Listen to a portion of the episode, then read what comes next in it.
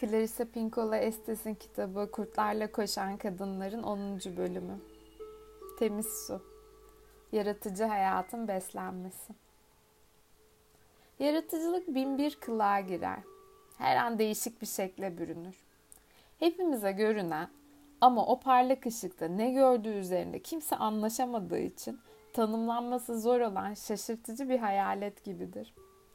Boya ve tuvallere ya da boya yongaları ile duvar kağıtlarına sahip olmak onun varlığını kanıtlar mı?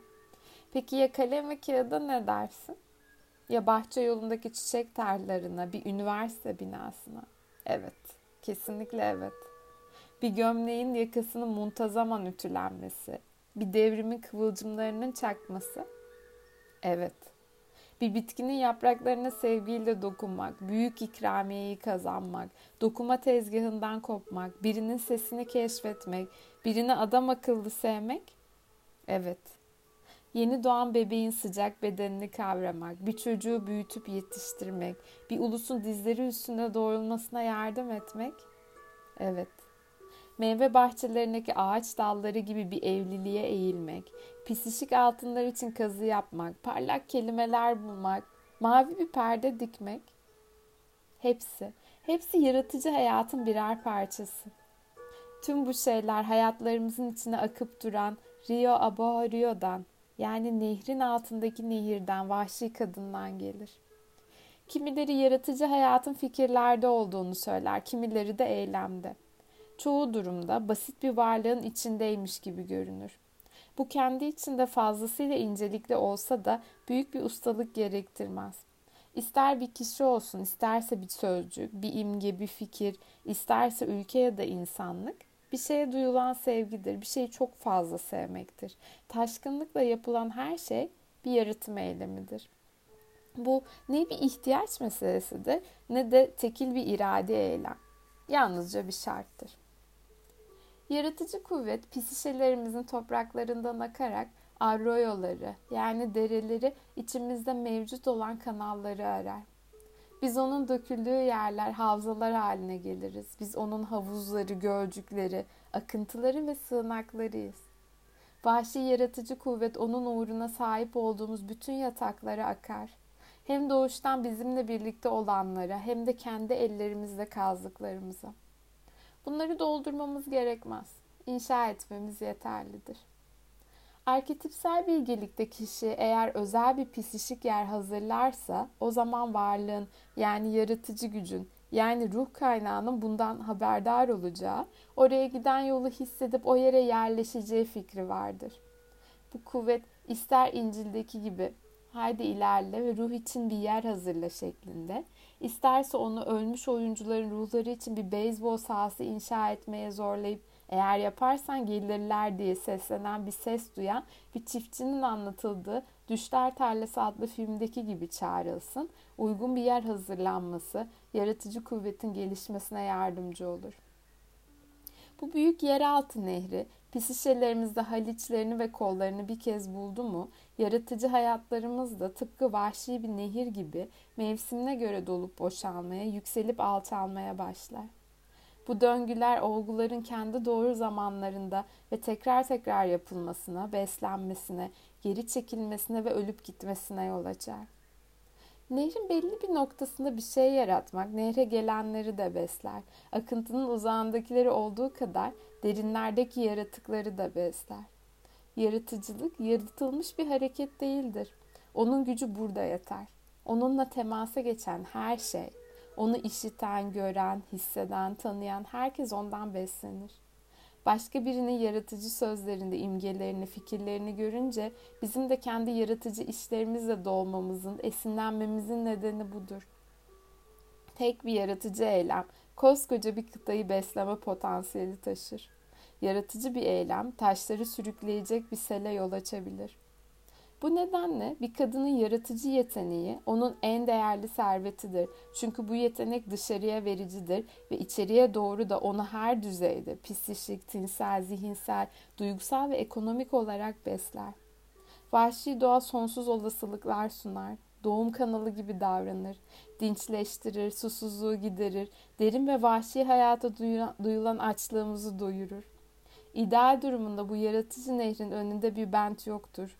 Yolundan saptırılmamıştır ve özellikle de hor kullanılmamıştır. Vahşi kadının nehri bizi besleyip büyüterek kendisine benzeyen varlıklara yani hayat vericilere dönüştürür.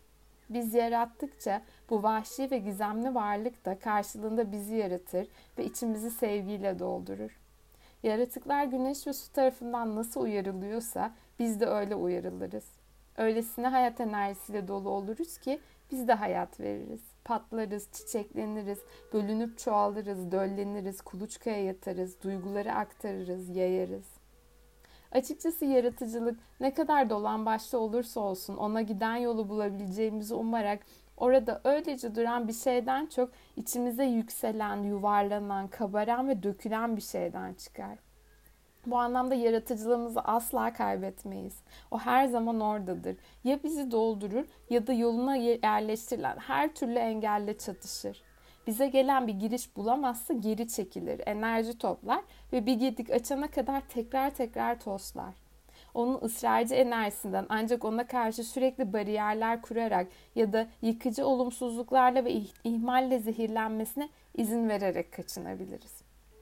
Yaratıcı enerji için nefes nefese kalıyorsak, üretken, imgesel ve düşünsel olanı aşağı çekmekle sorunlarımız varsa, kendi kişisel bakış açımıza odaklanmakta, ona göre davranmakta ya da onu sürdürmekte güçlük çekiyorsak, o zaman kaynak ile dökülme yeri arasındaki bileşim noktasında bir şeyler yanlış gitmiş demektir.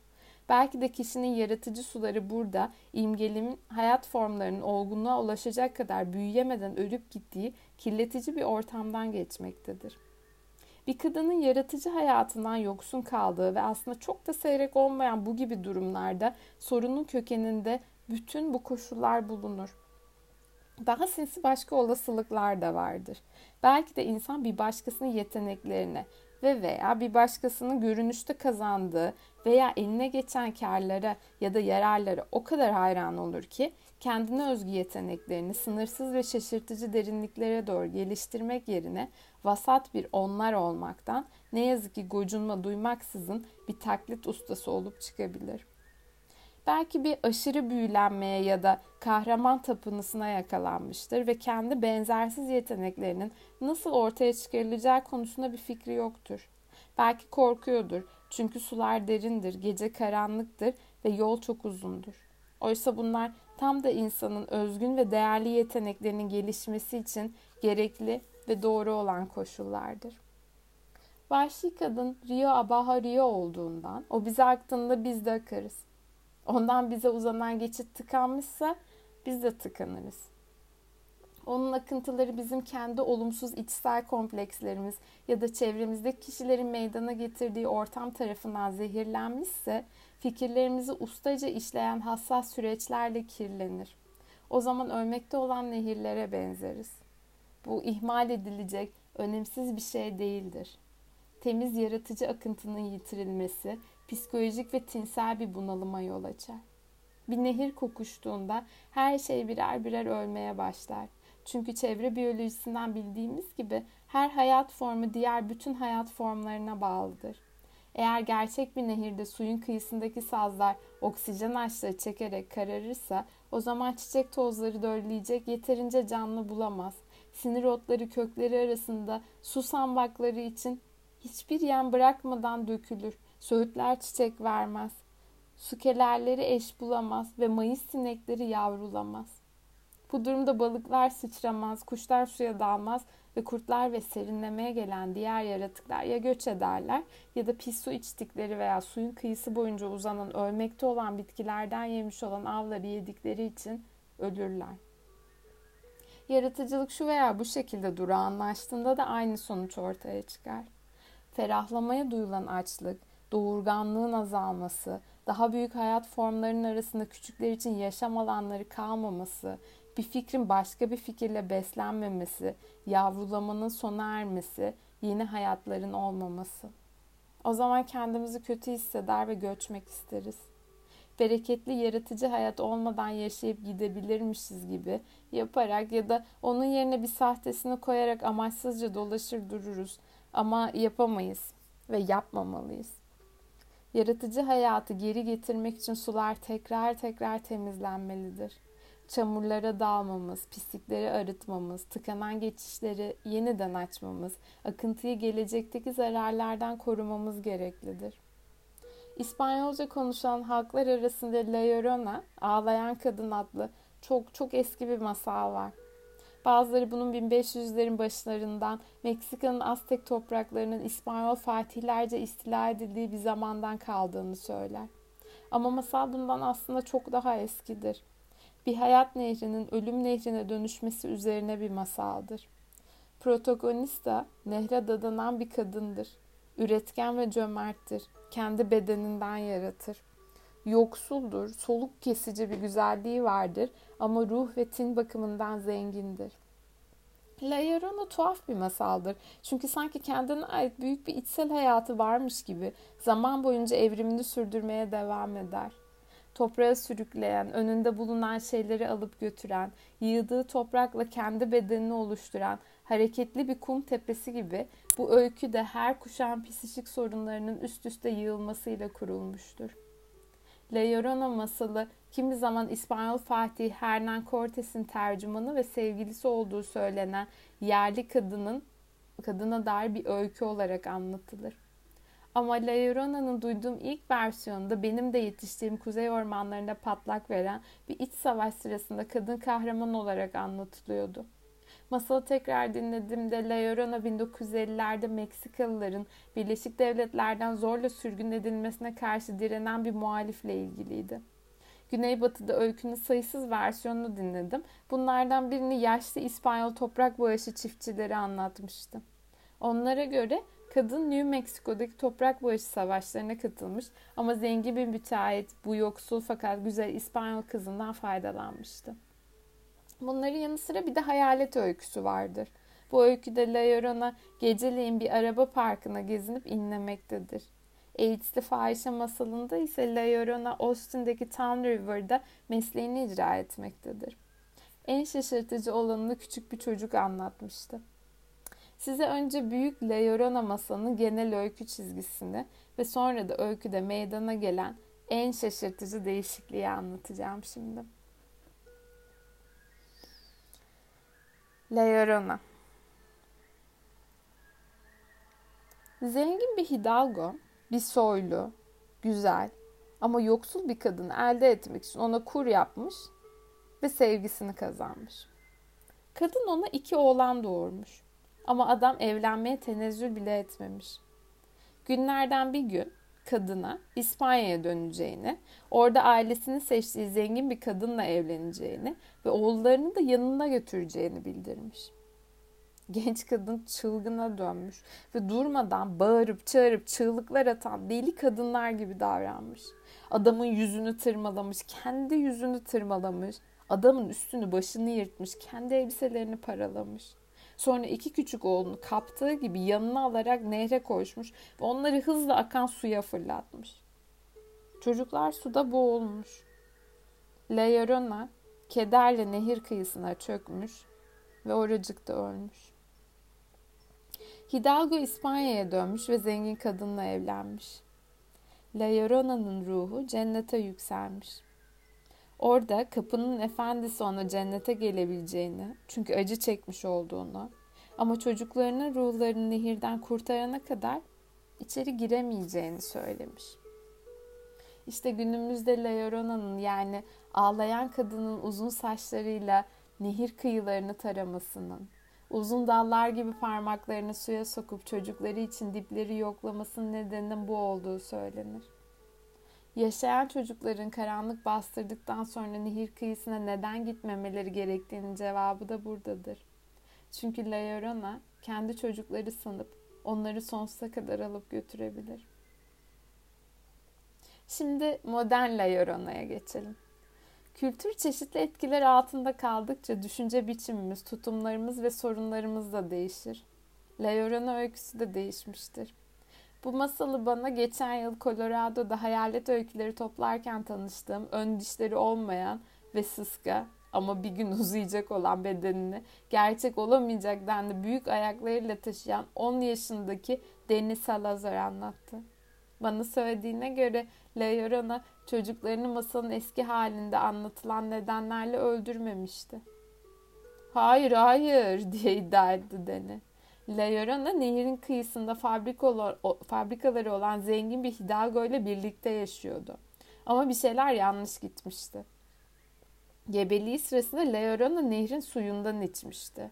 İkiz oğulları kör ve parmaklarının arası perdeli doğmuşlardı. Çünkü Hidalgo fabrikanın atıklarıyla nehri zehirlemişti. Hidalgo, La Llorona'ya ne onu ne de bebeklerini istediğini söyledi. Fabrikanın ürettiklerini satın almak isteyen zengin bir kadınla evlendi.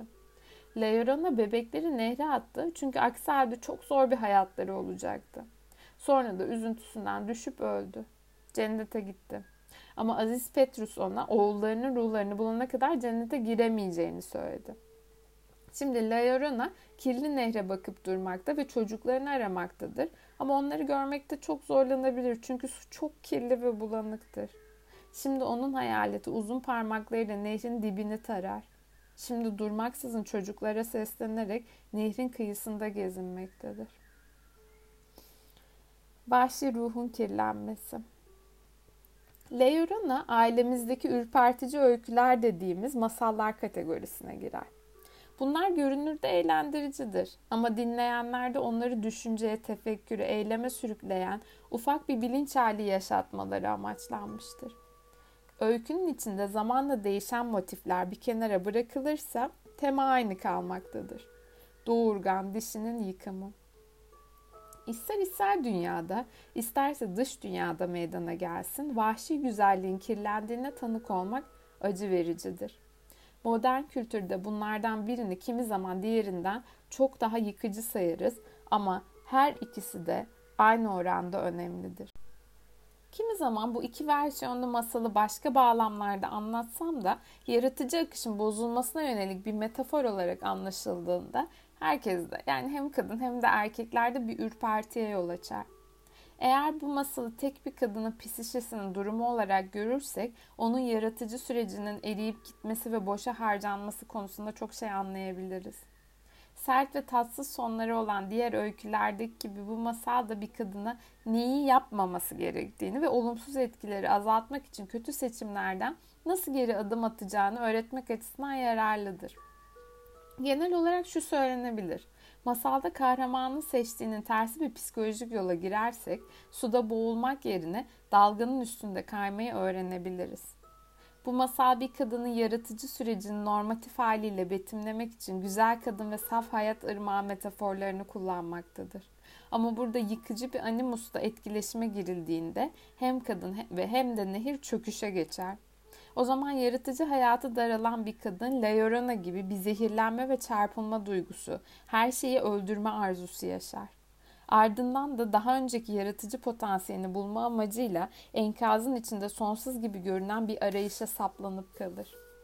Kadının psişik ekolojisinin düzeltilmesi için nehir yeniden temizlenmelidir. Bu öyküde ilgilendiğimiz şey yaratıcı ürünlerimizin niteliği değil, bireyin kendine özgü yeteneklerinin değerinin bilinmesi ve bu yetenekleri kuşatan yaratıcı hayata özen gösterme yöntemleridir. Yazı yazma, resim yapma, düşünme, iyileştirme, kotarma, pişirme, konuşma, gülümseme, becerme eylemlerinin arkasında her zaman nehir, Rio Abajo Rio vardır. Nehrin altındaki nehir. Ve bu nehir yaptığımız her şeyi besler. Simge bilimde büyük su kütleleri hayatın başlangıcını oluşturduğu düşünülen yeri ifade eder. Hispanik Güneybatı'da nehir, yaşama, gerçek anlamda yaşama yeteneğini simgeler. O suları sadece hendeklerde ve nehir yataklarında akmakla kalmayıp bebeklerini doğurmakta olan kadınların bedenlerine de dökülen anne, La Madre Grande, La Mujer Grande, büyük kadın olarak selamlanır. Nehir, mavi ya da gümüş ve bazen de altın renkli, fırıl fırıl dönen bir eteklikle araziye arşınlayan, onu ürün yetiştirmek için uygun bir hale getirmek üzere toprağın üzerinde yatan Grand Dama olarak görür. Güney Teksas'taki yaşlı kadın dostlarımdan bazıları El Rio Grande'nin asla bir erkek nehir olamayacağını, onun kadın olduğunu söylerler. gülerek derler ki bir nehir yeryüzünün kaltaları arasındaki La Dulce Aquena'dan, tatlı yarıktan başka bir şey olabilir mi? Kuzey New Mexico'da nehrin fırtınada, rüzgarda, ani su baskınında uyandığından, büyütebileceği her şeye dokunmak için tüm hiddetiyle koşuşturduğundan söz edilir. Öyleyse burada nehrin yükselen, taşan, ateşleyen bir tür dişi büyüklüğü simgelediğini görüyoruz. Kadınların gözleri yarattıkça parlar, sözleri seker, yüzleri hayatla kıpkırmızı kesilir, saçları bile daima ışıl ışıl görünür. Fikirlerle heyecanlanır, olasılıklarla uyarılır, hakiki düşünceyle ateşlenirler ve bu aşamada tıpkı büyük nehir gibi kendi benzersiz yaratıcı yollarında dışarıya doğru sürekli akmak üzere hareket ederler. Kadınların kendilerini doymuş ve tatminkar hissetmeleri ancak bu sayede mümkündür.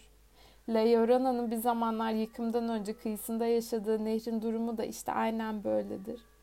Ama kimi zaman masaldaki gibi bir kadının yaratıcı hayatı kalıcı bir ruhsal değeri olmayan ve egoya ait şeyleri ego adına üretmek isteyen bir şey tarafından teslim alınır. Kimi zaman içinde yaşadığı kültürde yaratıcı fikirlerinin bir işe yaramadığını, kimsenin bunları istemeyeceğini, devam etmesinin nafile olduğunu ifade eden baskılarla karşılaşır. Kirlenme budur, nehre akan kurşun budur. Pisi şeyi zehirleyen şey aynen budur. Egonun doyumu da kendi içinde kabul edilebilir ve önemlidir. Sorun kusulan olumsuz komplekslerin bütün tazeliğe, yeniliğe, potansiyele, yeni doğmaya, tırtıl evresindeki şeylere, boşluklara olduğu kadar büyüme evresindekilere ve yaşlı ve muhterem şeylere de saldırmasında yatar. Çok fazla ruhsuz ya da sahte üretim olduğunda zehirli atıklar berrak nehre saçılarak hem yaratıcılık şevkini hem de enerjiyi öldürür.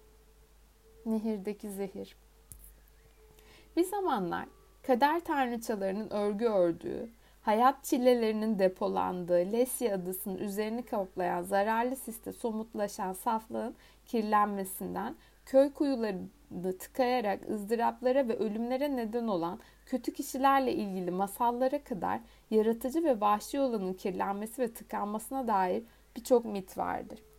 En dikkat çekici öykülerden ikisi günümüzde de yankısını bulan Jean de Fleuret ve Manon of the Spring'tir.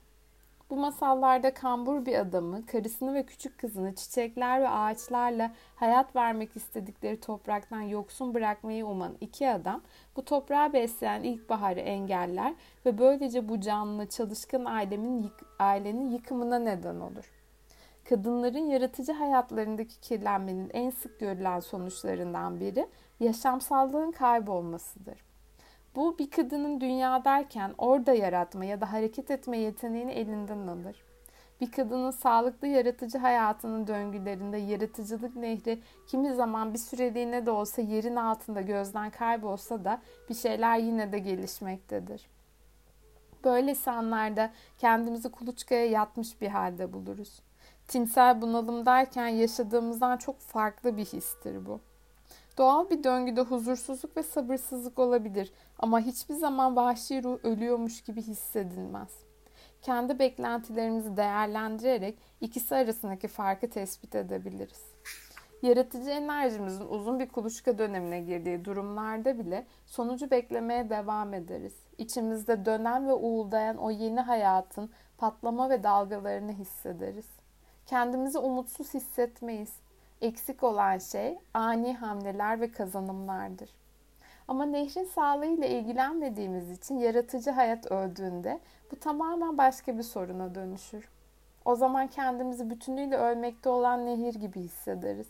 Enerjimizin azaldığını hissederiz, yorgun hissederiz. Sürünen, bulandıran, yaprak döken, yatışan, coşan bir şey yoktur katılaşırız. Kirlenmeyle ya da bütün zenginliklerimizin birikip durağanlaşmasıyla zehirlenmiş bir halde olumsuz bir anlamda yavaşlarız. Her şey kokuşmuş, kirli ve zehirli gelir. Bir kadının yaratıcı hayatı nasıl kirlenmiş bir hale gelir? Yaratıcı hayattaki bu tortulaşma, yaratma işinin esinlenme, yoğunlaşma, örgütlenme, gerçekleştirme ve sürdürmeden oluşan beş evresinde işgal eder. Bunlardan birini ya da birden fazlasını yitiren kadınlar kendileri için yeni, yararlı ya da empatik bir şey düşünemediklerini söylerler. Sevgi ilişkileri çok fazla çalışma, çok fazla oyun, yorgunluk ya da başarısızlık korkusu nedeniyle akılları kolayca çelinebilir. Kimi zaman örgütlenme düzeneklerini bir araya getiremezler ve tasarıları da yüz ayrı yerde, yüz ayrı parçaya dağılmış halde yatar. Kimi zaman sorunlar kadının kendi dışa dönüklüğüne ilişkin saf dilliğinden kaynaklanır. Dış dünyada birkaç adım atmakla gerçekten bir şeyler becermiş olduğunu düşünür. Bu bir şeylerin kollarını yapıp bacaklarını ya da kafasını yapmamak ve buna rağmen tamamlanmış olduğunu söylemek gibidir. Böylece kadın kendini ister istemez eksik hisseder. Kimi zaman kadın kendi içe dönüklüğüne takılıp tökezler ve sadece işlerin ulu vermesini dilemekle yetinir. Bir fikir düşünmenin bile başlı başına yeterli bir adım olduğunu, başka bir dış tezahüre gerek olmadığını sanabilir. Ancak kendini yine de üzgün ve başarısız hisseder. Bunlar hep nehirdeki kirlenmenin belirtileridir. Üretilen hayat değil, aksine hayatı engelleyen bir şeydir. Kimi zaman da çevresindekilerin ya da kafasında sızlanıp duran seslerin saldırısı altındadır. Çalışman yeterince tatminkar değil, yeterince iyi değil, yeterince şu değil, yeterince bu değil. Çok fazla debdebeli, son derece küçük ölçütlerde, çok fazla anlamsız, çok süre alır, çok kolay, çok zor. Bu nehre kadmiyum dökmektir. Aynı süreci anlatan ama farklı bir simgesellik kullanan başka bir öykü daha vardır. Yunan mitlerinden birinde tanrılar, harpiler denen bir grup kuşun Fineus adlı bir ruhu cezalandırmasına karar verirler. Fineus'un sofrasını büyülü bir şekilde hazırlandığı her seferinde bu kuş sürüsü uçarak gelir ve yiyeceğin bir kısmını çalar. Bir kısmını dağıtır ve kalanın üstüne sıçar. Böylece zavallı adamı kurt gibi aç bırakır. Bu edebi kirlenme psişenin içindeki tek varlık nedenleri kirletmek olan bir dizi kompleksin mecazi anlatımı olarak da anlaşılabilir. Bu masal kesinlikle bir temblondur. Tanıdığınız an bizi ürpertir çünkü hepimiz bunu yaşamışızdır. Harpi sendromu, yetenek ve çabaları küçümseyerek ya da son derece yerici bir içsel diyalog kurarak tahrip etmektedir. Bir kadın bir fikir ortaya atar ve Harpi onun üstüne sıçar. Kadın şey e, şunu şunu yapmayı düşündüm der. Harpi bu aptalca bir fikir. Kimse bununla ilgilenmez. Gülünç denecek kadar basit.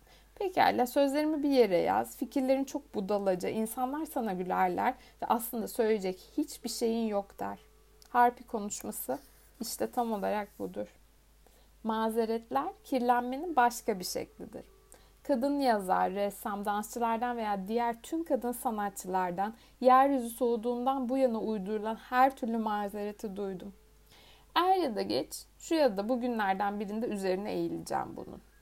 Bunu söylerken sırıtkan bir depresyon, bunu söylerken sırıtkan bir de, depresyondan muzdariptir bu kadın. Hep meşgulüm. Evet yazı yazmak arada bir zor geliyor. Baksana geçen yıl iki şiir yazdım. Evet ve son 18 ayda bir resim yaptım. Diğerinin bir kısmını bitirdim. Evet evin, çocukların, kocamın, erkek arkadaşımın, kedinin, bebeğin eksiksiz bakım ve ilgime ihtiyaçları var. Zamanı gelince elime alacağım. Param yok, zamanım yok, zaman bulamıyorum, zaman ayıramıyorum en güzel, en pahalı aletlere ya da deneyimlere sahip olana kadar başlayamıyorum. Sadece tam şu anda canım istemiyor. Ruh halim henüz uygun değil. Onu yapabilmek için en azından bir günlük zamana ihtiyacım var. Onu yapabilmek için birkaç günlük zaman lazım. Bunu yapabilmek için kendime ayırabileceğim birkaç haftalık bir zamanımın olması icap eder. Ben sadece, ben sadece vesaire vesaire. Nehirdeki yangın. 1970'lerde Cleveland'daki Cuyahoga Nehri o kadar kirlenmişti ki nehirde sık sık yangınlar çıkmaya başlamıştı. Kirlenmiş yaratıcı akıntı ansızın zehirli bir ateş halinde püskürüp nehirdeki çöpün yakıtıyla tutuşup yanmakla kalmaz, bütün hayat formlarını da yakar. Hepsi aynı anda çalışan çok fazla sayıda psişik kompleks nehre büyük bir zarar verebilir. Olumsuz psikolojik kompleksler yukarı çıkıp değerinizi, niyetinizi, samimiyetinizi ve yeteneğinizi sorgular. Bunlar ayrıca sizi tüketen, size yaratacak zaman bırakmayan, hayal kurma iradenizi yıkıma uğratan işlerde çalışarak geçiminizi kazanmanız gerektiğini ısrarla dayatan uyarılar da gönderir. Kötü niyetli komplekslerin kadınların yaratıcılığını çalmak ve cezalandırmak için kullandıkları gözde yöntemlerden biri ruhsal benliğe uzak, sisli bir gelecekte yaratma zamanı bulacağı ya da ard arda bir dizi boş günü olduğunda şamatanın nihayet başlayacağı vaadinde bulunmak etrafında yoğunlaşır. Bu saçmalıktır. Kompleksin hiç de böyle bir niyeti yoktur. Bu yaratıcılık şevkini kırmanın sadece bir başka yoludur. Bunların yerine sesler şöyle de fısıldayabilir. Şayet bir doktora derecen olursa çalışman tatminkar olur. Şayet kraliçeden övgü alırsan, şayet şöyle şöyle ödüller alırsan, şayet şu şu dergide yayımlanırsan, şayet ve şayet. Bu koşullanma ruhu abur cubur yiyeceklerle tıkınarak beslemekten farksızdır. Onu döküntülerle doldurmaktadır. Aslında burada beslenen tamamen başka bir şeydir. Her ne kadar sizi aksine ikna etmeye çalışacak olsa da çoğu zaman kompleksin mantığı son derece hatalıdır. Yaratıcı kompleksin en büyük sorunlarından biri mantıklı düşünmediğimiz, mantıklı hareket etmediğimiz, bugüne kadar yaptıklarınız mantıklı olmadığı ve bu yüzden başarısız kalmaya mahkum olduğu için ne yaparsanız yapın hiçbir sonuç alamayacağınız yönündeki ithamıdır.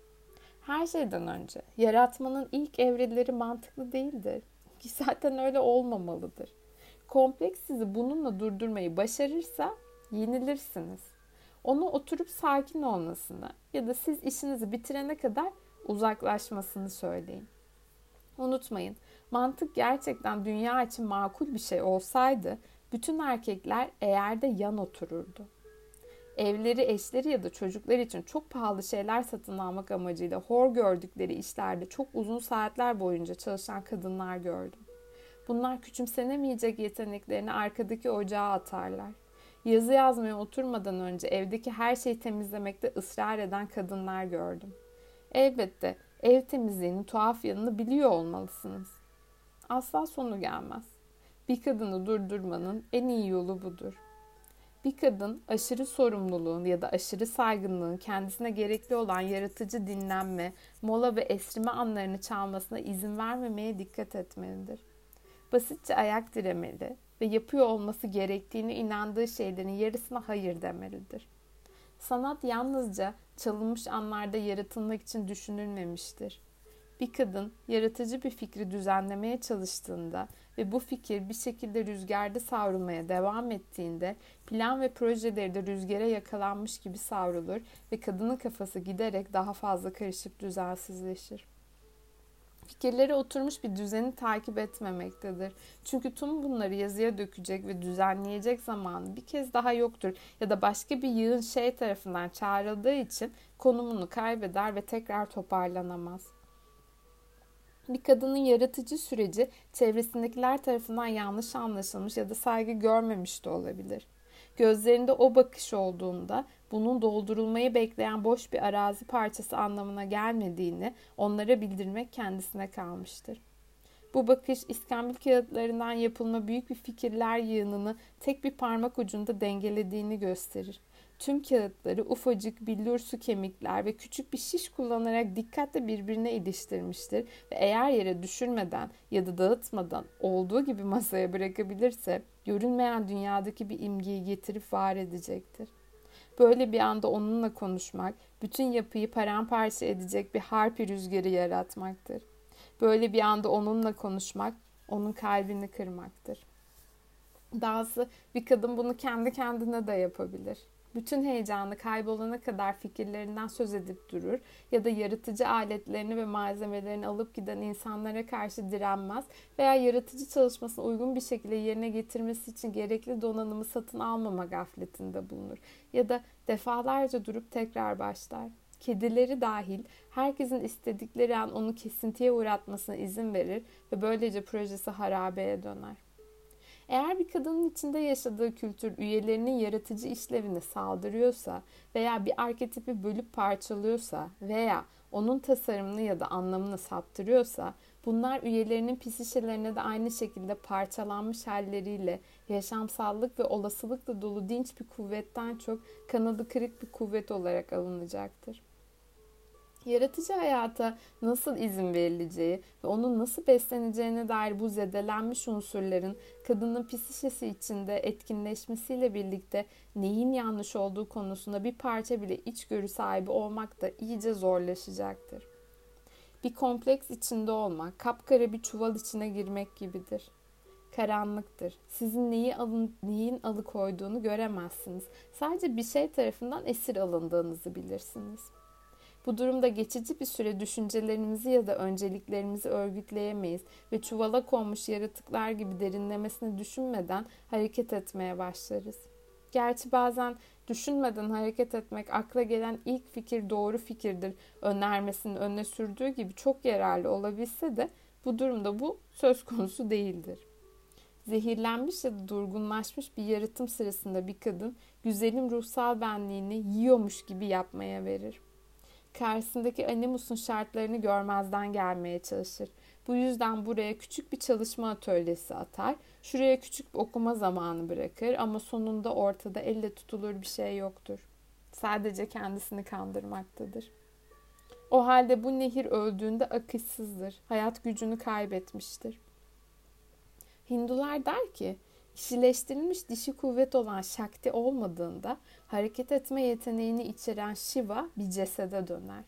Shiva, eril ilkeyi canlandıran yaşam enerjisidir.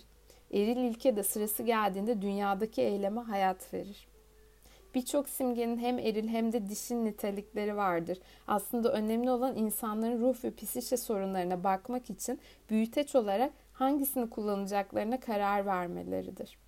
Bazılarının yapmaya alışkın olduğu gibi herhangi bir şeyin simgesinin eril mi dişil mi olduğunu tartışmak anlamsızdır. Çünkü sonunda bu göstergelerin yalnızca bir meseleye bakmanın yaratıcı yolları olduklarını, simgenin kendisinin aslında arşimetçi bakış açısından dolayı anlayamayacağımız başka kuvvetleri de içerdiği görülür.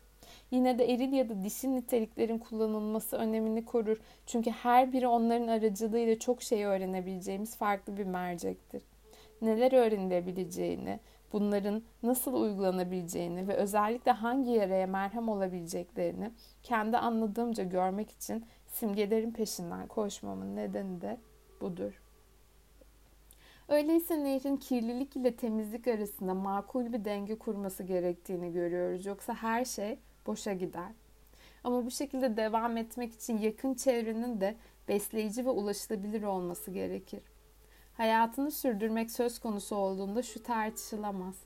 Temel unsurlara, besin ve suya, güvenlik ve barınağa ne kadar az ulaşılabiliyorsa seçenekler de o kadar azdır. Ve seçenekler ne kadar azsa yaratıcı hayat da o kadar azdır. Çünkü yaratıcılık tüm şeylerin sayısız kombinasyonları üzerinde serpilip gelişir. Masaldaki yıkıcı Hidalgo, yaralı bir kadının derin ama hemen tanınabilir bir parçasıdır. Kadının animusudur. Onu mücadele etmeye zorlar. Ama bunu yaratıcılık için değil, genellikle o noktaya ulaşamaz bile. Yaratmak için izin almak, sağlam ve destekleyici bir iç sistem elde etmek için yapar. Sağlıklı bir animus nehrin işleriyle ilgilenmek amacındadır. Bu ise olması gerektiği gibidir. Sağlıklı bir şekilde kaynaşılan bir animus yardımcıdır. Yapılması gereken herhangi bir şey olup olmadığını takip eder. Ama La Llorona öyküsünde animus tek yanlıdır. İdareyi eline alır ve yaşam enerjisiyle dolu yeni hayatı önler ve Pisişe'nin hayatını egemenlik altına almakta ısrar eder. Kötü huylu bir animus böyle bir güç kazandığında bir kadın kendi çalışmalarını küçümseyebilir ya da öteki uca giderek gerçek çalışmalarını taklit etmeye çalışabilir. Bunlardan herhangi biri gerçekleştiğinde bir kadının çok ama çok az yaratıcı seçeneği kalır. Animus güç kazanır, kadına emirler savurur, çalışmalarını küçümser. Böylece şu ya da bu şekilde onu sahici olmaktan çıkarır. Böyle yapmakla nehri de harap. Önce genel olarak animusun parametrelerine bakalım. Sonra bir kadının yaratıcı hayatının olumsuz bir animus etkisi bulunduğunda nasıl bozulduğunu ve bu konuda ne yapılabileceğini, ne yapmak gerektiğini anlamaya çalışalım. Yaratıcılık açık bir bilinç hali ister. Onun eylemleri nehrin durulduğunu yansıtır. Dışarıdaki eylemleri besleyen animus ise nehirdeki adamdır, uşaktır, suyun bakıcısı ve koruyucusudur.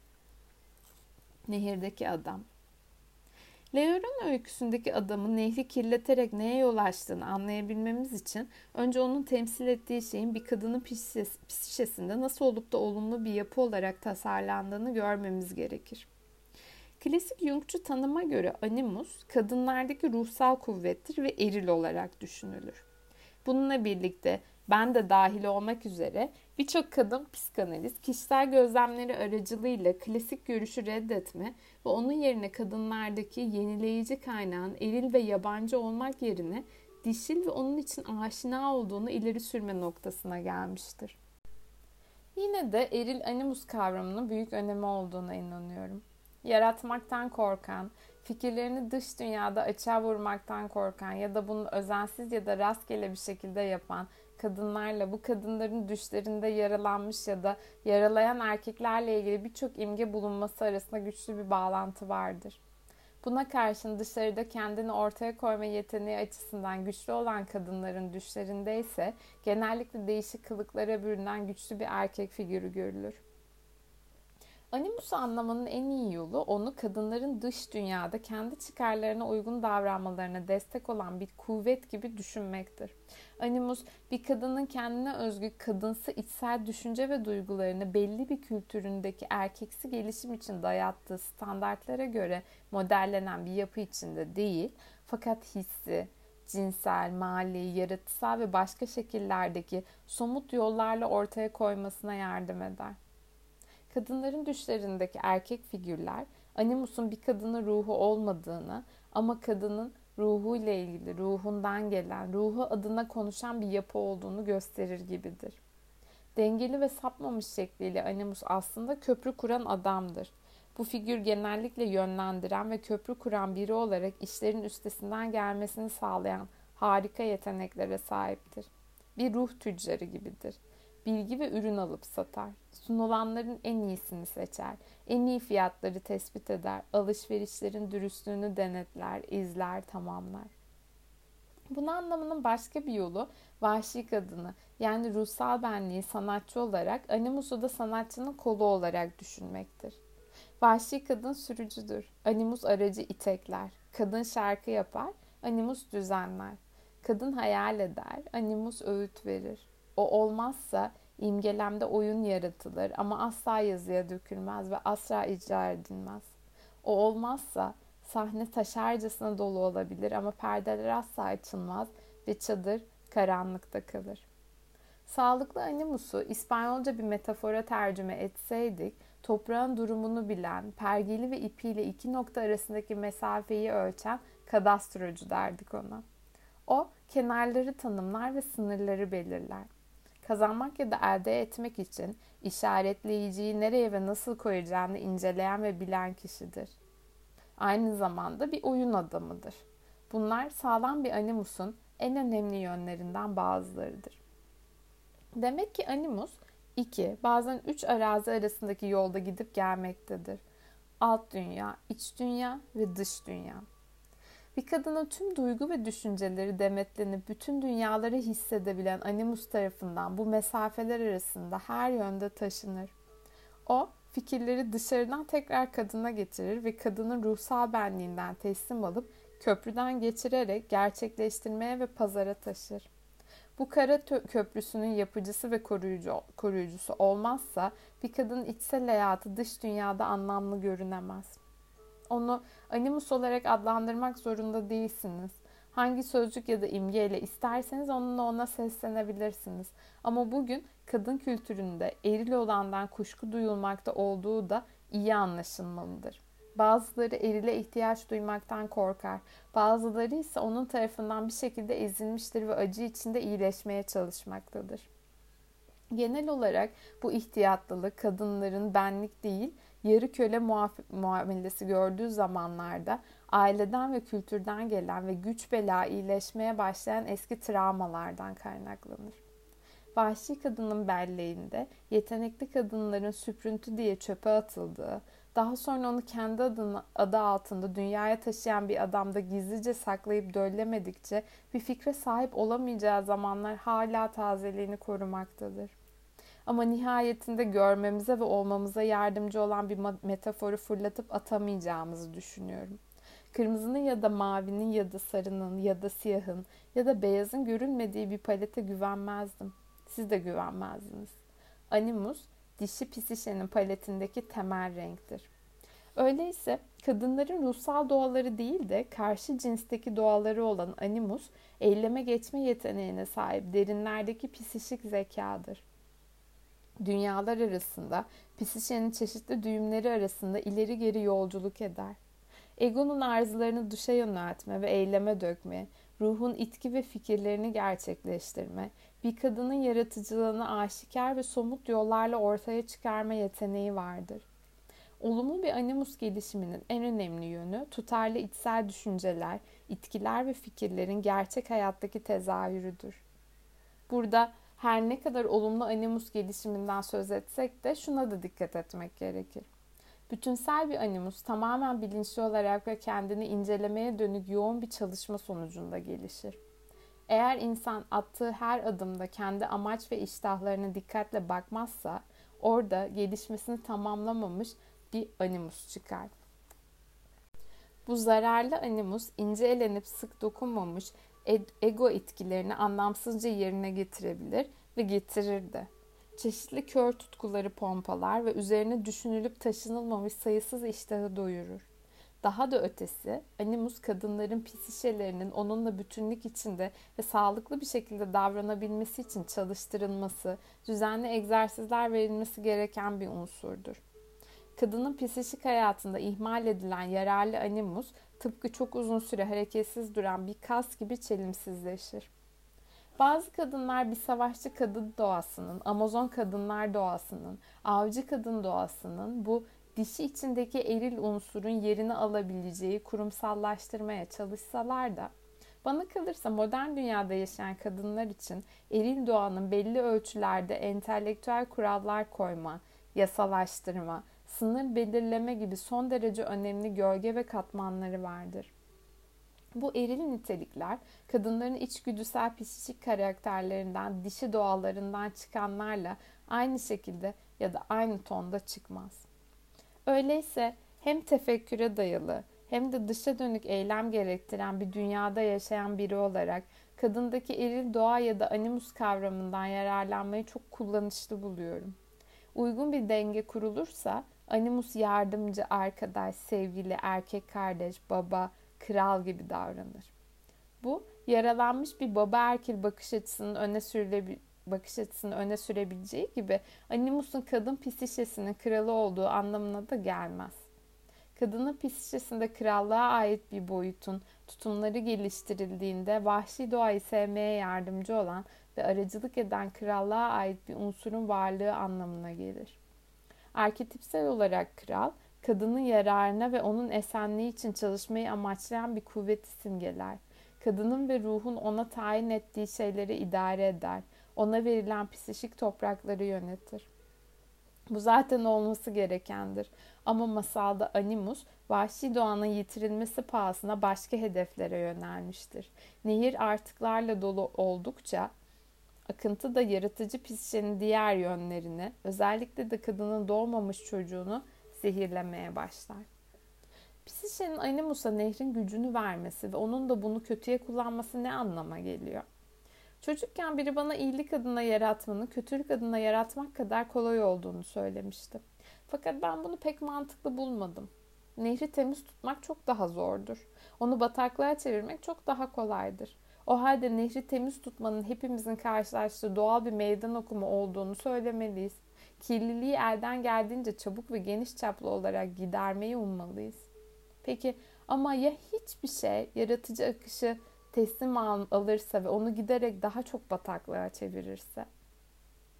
Şayet bunun tuzağına düşersek, her nasılsa sapkın bir şekilde bundan sonuç çıkarmaya başlarsak, sadece ondan hoşlanmaya değil ama ona güvenmeye, ondan geçimimizi sağlamaya, onun sayesinde kendimizi canlı hissetmeye başlarsak, şayet onu sabahleyin yataktan çıkmamızı sağlaması, bizi bir yere götürmesi, bizi her zaman düşündüğümüz gibi biri yapması için kullanırsak, bunlar hepimizi bekleyen tuzaklardır. Bu öyküdeki Hidalgo, kadın psişesinin konuşma diliyle söylersek kokuşmuş bir yönünü temsil eder. O çürümüştür, zehir üretiminden kar sağlar, şöyle ya da böyle sağlıksız bir hayata bağlıdır. Bile isteye yaratılmış bir açlık ortamı sayesinde hüküm süren bir kral gibidir. O kral ne bilgedir ne de hizmet etme iddiasında olduğu kadın tarafından sevilebilir. Bir kadının psikisinde özverili, güçlü, uzağı görebilen, hem dış dünyayı hem de alt dünyayı işiten, daha sonra neler olabileceğini öngörebilen, yasaları ve adaleti bütün dünyalarda görüp duyduklarına göre biçimlendiren bir animus figürüne sahip olması çok iyidir. Ama bu öyküdeki sadakatsizdir. Bir kadının psikisinde sağlıklı bir şekilde oluşturulmuş Hidalgo'nun, asil insanın yani rolü kadının olasılık ve hedefleri kavramasına, önemli bulduğu fikir ve idealleri ortaya koymasına, olaylardaki adaleti ve dürüstlüğü tartmasına, donatımlara göz kulak olmasına, tehdit edildiğinde stratejiler geliştirmesine, tüm psikik arazilerini bir arada tutmasına yardım etmek olmalıdır. Animus bu masalda gördüğümüz şekilde bir tehdit haline geldiğinde kadın da kendi kararlarına duyduğu güveni yitirir. Animus tek yanlılığı, yalanları, hırsızlıkları, ona yönelik yapmacık tavırları nedeniyle daha da zayıfladıkça nehrin suyu hayat için temel olan bir şey olmaktan çıkarak bir kiralık katil gibi ihtiyatla yaklaşılacak bir şeye dönüşür. O zaman ülkede kıtlık, nehirde kirlenme başlar. Yaratmanın latincesi olan creare, üremek, hayat oluşturmak, yoktan var etmek anlamına gelir. Kirlenmiş nehirlerin içilmesi halinde içerideki dolayısıyla dışarıdaki hayat kesintiye uğrar. Masalda bu kirlilik çocukların deformasyonuna yol açar ki bu çocuklar genç fikirleri ve idealleri yoktan var etme yeteneğimizi temsil etmektedirler.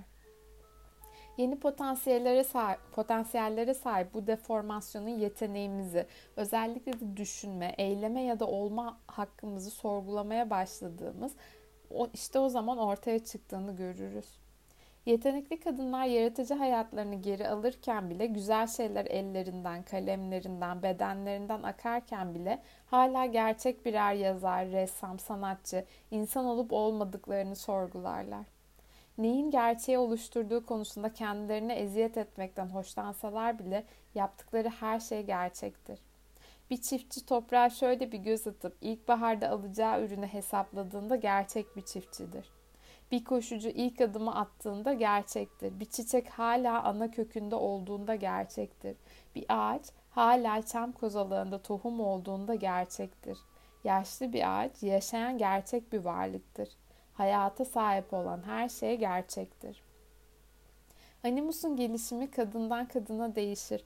Tanrıların kalçalarından fırlamış ve mükemmel bir biçime sahip bir yaratık değildir. Doğuştan gelen ya da tanrı vergisi bir niteliğe sahip gibi görünse de büyüyüp gelişmesi, ders alması ve eğitilmesi gerekir güçlü ve doğrudan bir kuvvet olarak düşünülmüştür. Ancak kültürün ve benliğin binbir türlü kuvvetlerinden dolayı animusa zarar geldiği zaman psişenin iş dünyası ile boş sayfanın, temiz tuvalin, dans zemininin, idare meclisinin, toplantının dış dünyası arasına sıkıcı, kötü niyetli bir şey ya da kimilerinin yansız olmak dediği bir durgunluk girer. Genellikle biraz kısık gözlü olan, yanlış anlaşılan ya da haksız yere elde edilen bu bir şey nehri doldurur, düşünceyi tıkar, kalemin ve fırçanın işlemesine engel olur.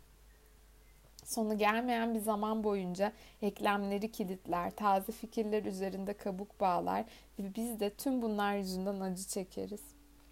Psişede tuhaf bir fenomen vardır. Bir kadın olumsuz animusun etkisi altında kaldığında o kadının yaratıcı bir iş yapmaya yönelik her çabası animusu öyle kızdırır ki saldırıya geçmesine sebep olur. Kadın eline bir kalem aldığında nehir kenarındaki fabrika zehrini kusar. Okula başvurmayı düşünür ya da bir derse başlar ama içsel bir beslenme ve desteğin eksikliği yüzünden tıkanarak yarı yolda bırakır. Hızlanır ama sürekli geride kalır bitmemiş nakış planları, hiç gerçekleşmemiş çiçek yatakları, hiç gidilmemiş gezintiler, sadece ilgileniyorum demek amacını taşıyan hiç yazılmamış notlar, hiç öğrenilmemiş yabancı diller, bırakılmış müzik dersleri, tezgahta asılı bekleyen, bekleyen örgüler çoğalır. Bunlar deforme edilmiş hayat formlarıdır. Bunlar La Llorana'nın zehirlenmiş çocuklarıdır ve hepsi nehre atılmıştır. Ta başından beri onları hastalandıran kirli sulara atılıp durmuşlardır. En iyi arketipsel koşullarda olması beklenen şey harekete geçip ankar kuşu gibi küllerinden yeniden doğmaktır. Ama burada animusla ilgili bir şey yanlıştır. Bu yüzden de bırakın insanın fikirlerini dünyada açık edip gerçekleştirmesini, bir itkiyi diğerinden ayırt etme yeteneğinde bile ölçüyü kaçırılır. Bir nehir komplekslerin dışkısıyla o kadar dolar ki buradan yeni hayat namına hiçbir şey çıkamaz. İşte zor kısmı da budur.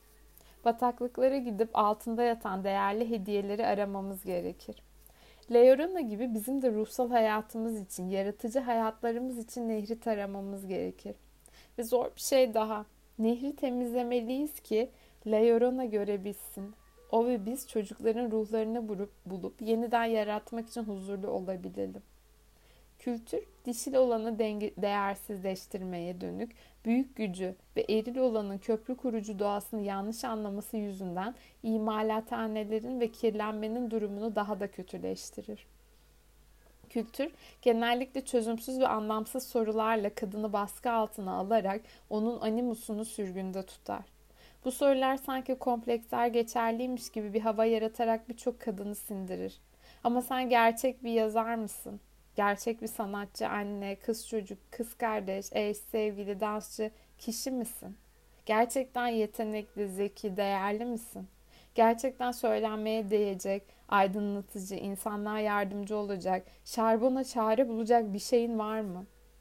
Bir kadının animusu olumsuz türden psikik üretim işleriyle düşüp kalktığı zaman o kadının güveninin ve yaratıcı kaslarının zayıflamasının yanı sıra imalat ürünlerinin de azalması şaşırtıcı değildir.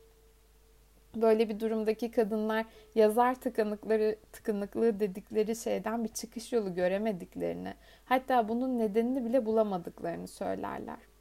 Animusları nehirden bütün oksijeni emer ve kendilerini son derece yorgun hissederler. Çok büyük bir enerji kaybı yüzünden acı çekerler, hareket edemez gibi görünürler. Bir şey tarafından alıkonuyormuş gibi hissederler ve nehri geri almak. Hayat ölüm hayat doğası, yazgının, ilişkinin, sevginin, yaratıcılığın ve diğer tüm unsurların çok geniş ve vahşi örüntüler şeklinde hareket etmesini sağlar. Bu örüntüler birbirlerini şu düzen içinde izler. Yaratma, çoğalma, güç, çözülme, ölüm, kuluçka, yaratma vesaire. Fikirlerin, düşüncelerin, duyguların çalınması ya da yokluğu akıntının bozulmasının bir sonucudur. Aşağıda nehri geri almanın yolunu bulacaksın. Nehrin temizliğine başlamak için önce besin al. Bir kadın yaratıcı, hayatıyla ilgili samimi iltifatları geri çevirdiği zaman nehirdeki rahatsızlık verici pislikler de belirginleşir. Ani bir tepkiyle ah, bana böyle bir iltifatta bulunmakla ne kadar nazik olduğunuzu gösterdiniz dediğinizde pek fazla kirlenme görünmezken ah şu eski laflar ya da aklınız başınızda değil galiba dediğinizde kirlenme nehir için yaygın bir sorun haline gelebilir. Yine savunma amacıyla elbette mükemmelim bunu nasıl fark edemezsiniz dediğinizde de kirlenme yaşanır. Bunların hepsi yaralı animusun işaretleridir. Kadının içinde iyi şeyler akar ama bunlar bir çırpıda zehirlenir. Fenomeni tersine çevirmek için kadınlar iltifatı kabul etme alıştırması yaparlar. Başlangıçta bu kez kendine saklamak için iltifatın üzerine atlarmış gibi görünse de tadını çıkarır. İltifatta bulunana sen böyle düşünüyorsun fakat onun yaptığı yanlışları gerçekten bilsen aslında o ne tatsız bir kadındır bir görsen vesaire demek isteyen kötücül animusla savaşarak onu geri püskürtürler.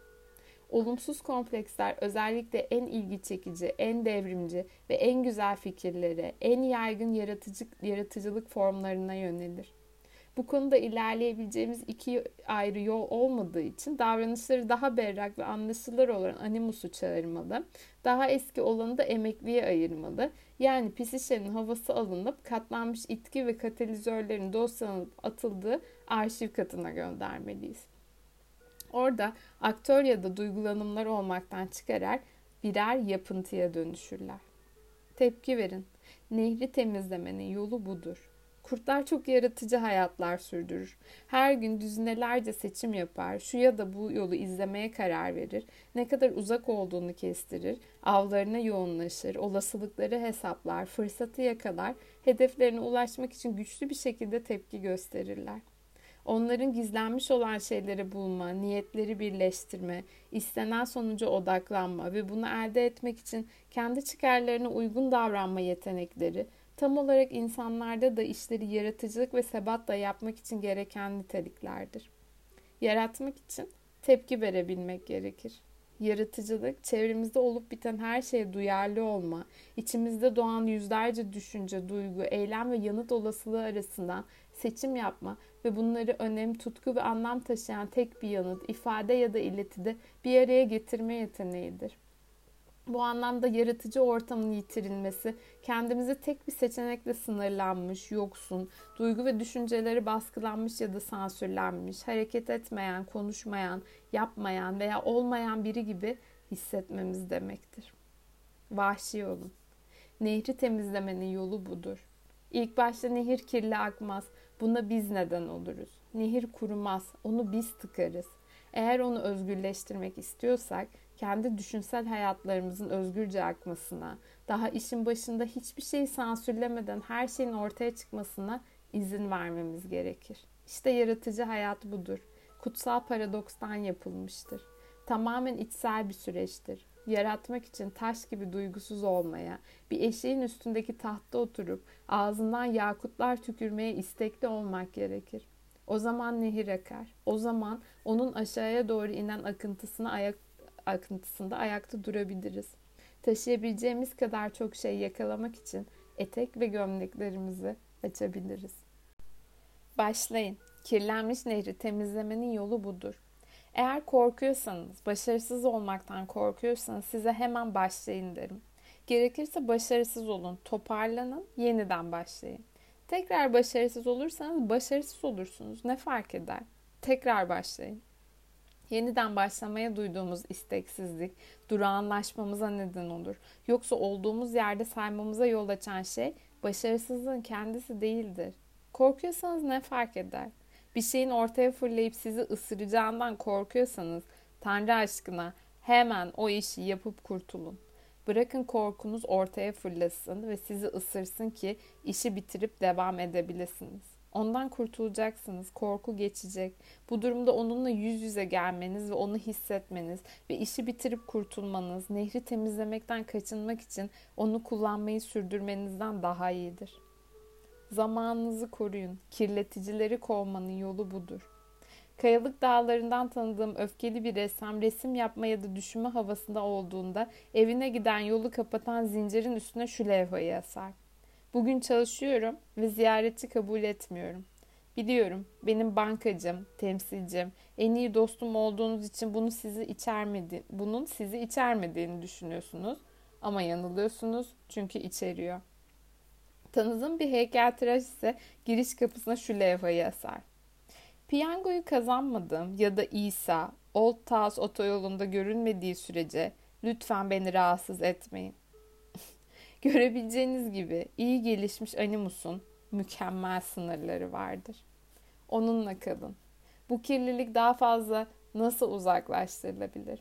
Kendimizi ister, ister güçlü ya da güçsüz, isterse hazırlıklı ya da hazırlık, hazırlıksız hissedelim. Ruh eğirme, kanat yapma girişimlerimize, sanatımıza, psişik onarımımıza ve dikişimize devam ederek herhangi bir şeyin bizi sağlıklı ve bütünleşmiş animus üzerinde çalışmaktan alıkoymasına karşı direnerek bu kirliliği azaltabiliriz. Gerektiğinde kendimizi gemi direğine, sandalyeye, sıraya, ağaca, kaktüse, yarattığımız o her neyse bağlarız. Genellikle acı verici olsa da ustalık kazanma mücadelesinin doğasında bulunan zor görevler için gerekli zamanı ayırmak ve bu görevlerden kaytarmamak esastır. Hakiki bir yaratıcı hayat birden fazla şekilde yanar. Ayak direyip ilk ve son defa olmak üzere kendi bastırılmamı onaylayıp bunun bir parçası olmaktansa yaratıcı hayatımı tercih ederim demekle yol boyunca ortaya çıkan olumsuz kompleksleri uzaklaştırabilir ya da dönüştürebiliriz. Düşlerimiz de yolun sonraki kısmında bize rehberlik eder. Eğer çocuklarımızı istismar etseydik sosyal hizmetler görevlileri kapımızda beliri verirdi. Eğer evdeki hayvanlarımızı istismar etseydik hayvanseverler derneği gelir ve bizi alıp götürürdü. Ama kendi ruhlarımızı aç bırakmakla ısrar etmemiz halinde bize müdahale edecek ne bir yaratıcılık devriyesi ne de ruh polisi var. Sadece biz varız. Ruhsal benliği ve gözü pek animusu gözetecek olan yalnızca bizleriz. Onları haftada bir, ayda bir ya da hatta yılda bir sulamak ne büyük acımasızlık. Her birinin kendi günlük ritimleri var. Her gün bize ve yeteneklerimizin suyuna ihtiyaç duyuyorlar. Yaratıcı hayatınızı koruyun. Eğer hamleden almadan aç kalmış ruhtan kaçınacaksınız, problemin adını koyun ve onu düzeltin. Her gün işlerinizin alıştırmasını yapın. Ondan sonra da hiçbir düşüncenin, hiçbir adamın, hiçbir kadının, hiçbir eşin, hiçbir arkadaşın, hiçbir işin ve hiçbir ters sesin sizi kıtlığın pençesine düşürmesine izin vermeyin. Gerektiğinde dişlerinizi gösterin. Gerçek işinizin zanaatkarlığını yapın. Sıcaklığın ve bilgeliğin kulübesini inşa edin. Enerjinizi oradan buraya çekin. Sıradan ve gündelik sorumluluklarla kişisel esirme arasında bir dengede ısrar edin. Ruhu koruyun. Nitelikli yaratıcı hayatta ısrarlı olun. Ne kendi komplekslerinizin, kültürünüzün, entelektüel atıklarınızın ne de yüksek sesli aristokratik, pedagojik ya da politik laf ebebe, ebeliğinin onu sizden çalmasına izin verin. Yaratıcı hayat için besin hazırlayın. Birçok şey ruh için yararlı ve besleyici olmakla birlikte bu gıdaların çoğu vahşi kadının dört temel besininden birine gider. Zaman, aidiyet, tutku ve egemenlik. Biriktirin. Bunlar nehri temiz tutar. Nehir yeniden temizlendiğinde özgürce akmaya başlar. Kadının yaratıcı verimi artar ve bundan sonra doğal yükseliş, iniş ve yükseliş döngüleri devam eder. Hiçbir şey uzun süre alıp götürülmez ya da pisletilmez. Doğal olarak ortaya çıkan tüm pislikler etkili bir şekilde zararsız hale getirilir. Nehir beslenme sistemimiz olarak geri döner. Böylece korkusuzca ona girebilir, kaygısızca suyundan içebilir, çocuklarını sağlıklarına kavuşturup ona geri vererek La Llorona'nın eziyet çekmiş ruhunu sakinleştirebiliriz. İmalathanenin kirletme sürecini etkisiz kılabiliriz. Yeni bir animusa yer bulabiliriz hayatlarımızı istediğimiz ve uygun gördüğümüz gibi nehrin yanı başında kollarımızda bir sürü bebek tutarak onlarla tertemiz sudaki yansımalarını göstererek yaşayabiliriz. Odaklanma ve fantezi değirmeni. Kuzey Amerika'da Küçük Kibritçi Kız masalı Hans Christian Andersen'e ait versiyonuyla ünlüdür. Özünde bu masal besin eksikliğinin, odağını yitirmenin neye benzediğini ve nelere yol açtığını anlatır. Dünyanın her yanında çeşitli şekillerde anlatılan çok eski bir masaldır. Kimi zaman geçmiş zamanların düşünü görürken ısınmak için son kömürlerini kullanan kömür yakıcısıdır. Son kalan çiçeklerine bakarken dalıp giden ve bu hayattan sessizce ayrılan kalbi kırık bir adam hakkındaki küçük çiçekçi versiyonunda olduğu gibi kibrit simgesinin başka bir şeyle yer değiştirilmesine de rastlanır. Bazıları yüzeysel bir şekilde yorumlayarak aşırı duygusal ve aptalca hüzünlerden güç alan öyküler olduklarını söylese de bu tip öyküleri hafife almak hata olur. Öyküler aslında gerçek ve canlı hayatın tin açısından ölmeye başladığı noktaya kadar uyuşturulmuş pisişenin derin ifadeleridir. Aşağıdaki küçük kibritçi kız versiyonu bana 2. Dünya Savaşı'ndan sonra Amerika'ya gelmiş olan teyzem Katerina anlatmıştı. Savaş sırasında teyzemin yaşadığı ve tarımla geçinen basit Macar köyü üç farklı düşman ordusu tarafından üç kez istilaya ve işgale uğramıştı. Masala başlarken hep şöyle derdi. Zor şartlar altında hafif düşler bir işe yaramaz. sıkı zamanlarda sıkı düşlerimiz, gerçek düşlerimiz, gayretle çalışırsak ve sütümüzü bakirenin sağlığına içersek gerçekleşecek olan düşlerimiz olmalı. Küçük kibritçi kız. Ne annesi ne de babası olan küçük bir kız çocuğu varmış. Karanlıkta bir ormanda yaşarmış. Ormanın kenarında bir köy varmış ve kız oradan yarım kuruşa kibrit satın alıp sokakta bir kuruşa satabileceğini öğrenmiş. Eğer yeterince kibrit satarsa bir ekmek kabuğu satın alabilir, ormandaki kulübesine dönebilir ve sahip olduğu bütün giysilerini üzerine geçirerek uyuyabilirmiş. Kış gelmiş, hava çok soğukmuş. Kızın ayakkabısı yokmuş ve ceketi o kadar inceymiş ki içi görülebiliyormuş. Ayakları mosmor olmuş. El ve ayak parmaklarıyla burnunun ucu bembeyazmış. Sokaklarda dolaşıyor ve yabancılara kendisinden kibrit satın almaları için yalvarıyormuş. Ama kimse duymuyor ve başını çevirip bakmıyormuş. Derken bir gece kibritlerim ne güne duruyor? Bir ateş yakıp ısınabilirim diyerek oturmuş. Ama hiç çırası ve odunu yokmuş. Her şeye rağmen kibritleri yakmaya karar vermiş. Orada bacaklarını uzatmış otururken ilk kibriti çakmış. Çaktıkça soğuk ve kar hepten kayboluyor gibiymiş. Döne döne inen kar yerine bir oda görmüş. Demir işlemeli bir kapısı olan büyük, koyu yeşil seramik sobalı güzel bir oda. Soba öyle bir sıcaklık yayıyormuş ki adeta havayı dalgalandırıyormuş. Sobanın yanına sokulmuş ve kendini harika hissetmiş. Ama soba birdenbire ortadan kaybolmuş. Yine sokakta karın üstünde oturuyormuş. Titrerken öylesine acı çekiyormuş ki yüzündeki kemikler takır diyormuş. Böylece ikinci kibriti çakmış. Oturduğu yerin yanındaki binanın duvarına ışık vurmuş ve birden içerisini görebilmiş. Duvarın ardındaki odada üzerinde kar gibi beyaz bir örtünün serilmiş olduğu bir masa varmış.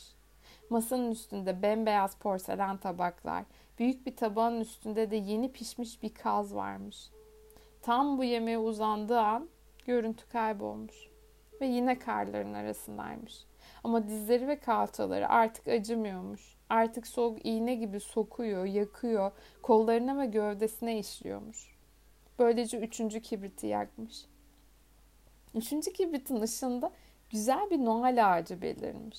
Ağaç kenarları işlemeli beyaz mumlarla, çok güzel cam süsleriyle ve onu bütünlüğüyle fark edemeyeceği binlerce, binlerce küçük ışık beneğiyle zarifçe süslenmiş. Bakışlarını yukarıya, bu muazzam ağacın gövdesine doğru kaldırmış.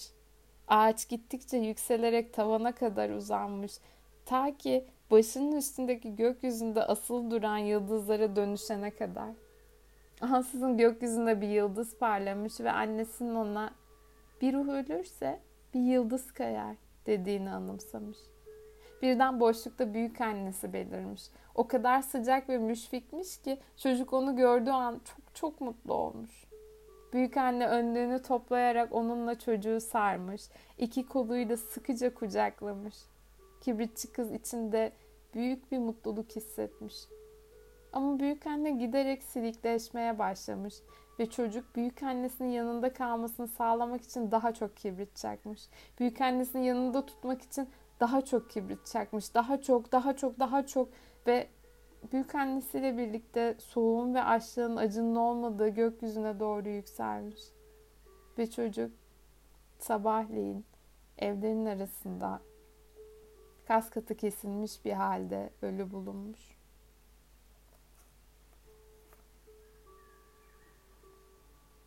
Yaratıcı fanteziyi başından sağmak.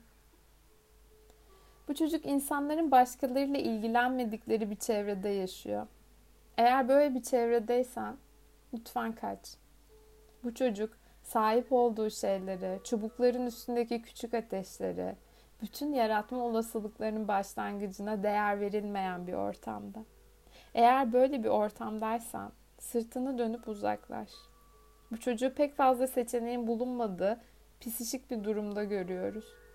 Hayattaki yerine boyun eğmiş olarak. Bu senin de başına geldiğinde bağlarından kurtul ve tabanları yağla. Vahşi kadın köşeye sıkıştığında teslim olmaz. Öne çıkar, pençelerini savurur ve kavga eder. Kibritçi kız ne yapmalıdır? Eğer içgüdüleri sağlam olsaydı çok sayıda seçimi de olurdu. Yürüyerek başka bir kente gidebilir, gizlice bir vagona binebilir, bir kömür vagonunda kaçak yolculuk yapabilirdi. Vahşi kadın daha sonra ne yapacağını bilirdi ama kibritçi kız vahşi kadını henüz tanımıyor. Küçük vahşi çocuk donmak üzere ve ondan geriye kalan sadece kendinden geçmiş bir halde dolaşmakta olan biri. Bizi ısıtan, yaratıcılığımızı onaylayıp öven gerçek kişilerle birlikte olmak, yaratıcı hayatın akışı için esastır. Aksi halde donarız. Beslenme hem içeriden hem de dışarıdan gelen seslerin oluşturduğu bir korodur. Bu sesler kadının ne halde olduğuna dikkat eder, onun varoluşunu desteklemeye özen gösterir ve gerektiğinde ona rahatlık sağlar. İnsanın kaç arkadaşa gereksinim duyduğundan pek emin değilim ama hangi alanda olursa olsun yeteneğinizin cennet ekmeği olduğunu düşünen bir ya da iki tane arkadaş şarttır. Her kadın bir şükran korusunu hak eder. Kadınlar soğukta dışarıda kaldıklarında eylem yerine fanteziyle yaşama eğilimindedirler. Bu türden fanteziler kadınlar için çok güçlü uyuşturuculardır. Güzel bir sese sahip olarak dünyaya gelmiş kadınlar tanıyorum. Doğal öykü anlatıcıları, anlatıcılar olan kadınlar tanıyorum. Ağızlarından çıkan hemen her şey taze taze şekillenir ve incelikle işlenir. Ama tecrit edilmişlerdir ya da bir şekilde kendilerini toplumdan dışlanmış hissederler. Utangaçtırlar. Bu da açlıktan midesi kazınan animus için bir paravanadır. Bir türlü içeriden ya da arkadaşları, aileleri, toplum tarafından desteklendikleri duygusuna sahip olamazlar. Küçük kibritçi kız olmaktan kaçınmak için yerine getirmemiz gereken büyük bir eylem vardır. Sanatınızı yani hayatınızı desteklemeyen biri için zaman harcamanıza değmez. Katı ama gerçek. Yoksa dost doğru gidip Kibritçi kızın paçavralarını giyersiniz ve tüm düşünceleri, umutları, yetenekleri, yazıları, oyunları, desenleri ve dansları donduran bir çeyrek hayat yaşamak zorunda kalırsınız. Sıcaklık küçük kibritçi kızın peşine düşmesi gereken esas şey olmalıdır ama öyküde durum farklıdır. Onun yerine kibritleri yani sıcaklık kaynaklarını satarak bitirmeye çalışır. Böyle yapmak bir kadına ne daha fazla sıcaklık, zenginlik, akıl ne de daha fazla gelişme sağlar. Sıcaklık bir muammadır. Bir şekilde bizi ısıtır ve üretken kılar. Çok sıkı şeyleri gevşetir. Akışı olmaya yönelik esrarengiz dürtüyü, yeni fikirlerin bakire uçuşunu çoğaltır. Ne türden bir sıcaklık olursa olsun bizi giderek daha da yakınına çeker. Kibritçi kız serpilip gelişebileceği bir ortamda değildir. Sıcaklık yoktur, tutuşma yoktur, yakacak odun yoktur. Onun yerinde biz olsaydık ne yapabilirdik? Her şeyden önce kibritçi kızın kibritleri yakarak kurduğu fantezi dünyasında eğlenmezdik. Üç tür fantezi vardır. İlki haz fantezisidir. Bu gündüz düşleri gibi sadece eğlence için yapılan bir tür zihin dondurmasıdır. İkinci fantezi türü istemli bir şekilde düşlemlemedir. Bu fantezi çeşidi planlanmış bir oturuma benzer. Bizi eyleme sevk etmek için bir araç olarak kullanılır. Psikolojik, tinsel, mali ve yaratıcı tüm başarılar bu yapıdaki fantezilerle başlar. Sonra da üçüncüsü gelir ki her şeyi sona erdiren, hassas zamanlarda doğru eylemi engelleyen bu fantezidir. Ne yazık ki kibritçi kız vaktini bu fantezinin etrafında dolanarak harcar. Bu gerçeklikle hiçbir ilgisi olmayan bir fantezidir. Hiçbir şey yapılamayacağı ya da bir şey yapmanın çok zor olduğu hissiyle ilgili olduğu için aylak aylak bu fanteziye dalınabilir. Kimi zaman fantezi kadının aklındadır. Kimi zamansa bir likör şişesi, bir iğne aracılığıyla ya da bunların birinin olmaması yüzünden aklına gelir. Kimi zaman fanteziyi taşıyan eşlerin dumanı iken kimi zaman da bir yatak, bir yabancıyla tamamı eren bir gecelik unutulan odalardır. Bu durumdaki kadınlar her fantezi gecesinde küçük kibritçi kızı sahnelemekte ve fanteziler arttıkça her şafakta ölü ve donmuş bir halde uyanmaktadırlar. İnsanın iradesini yitirmesinin, odağını kaybetmesinin birçok yolu vardır.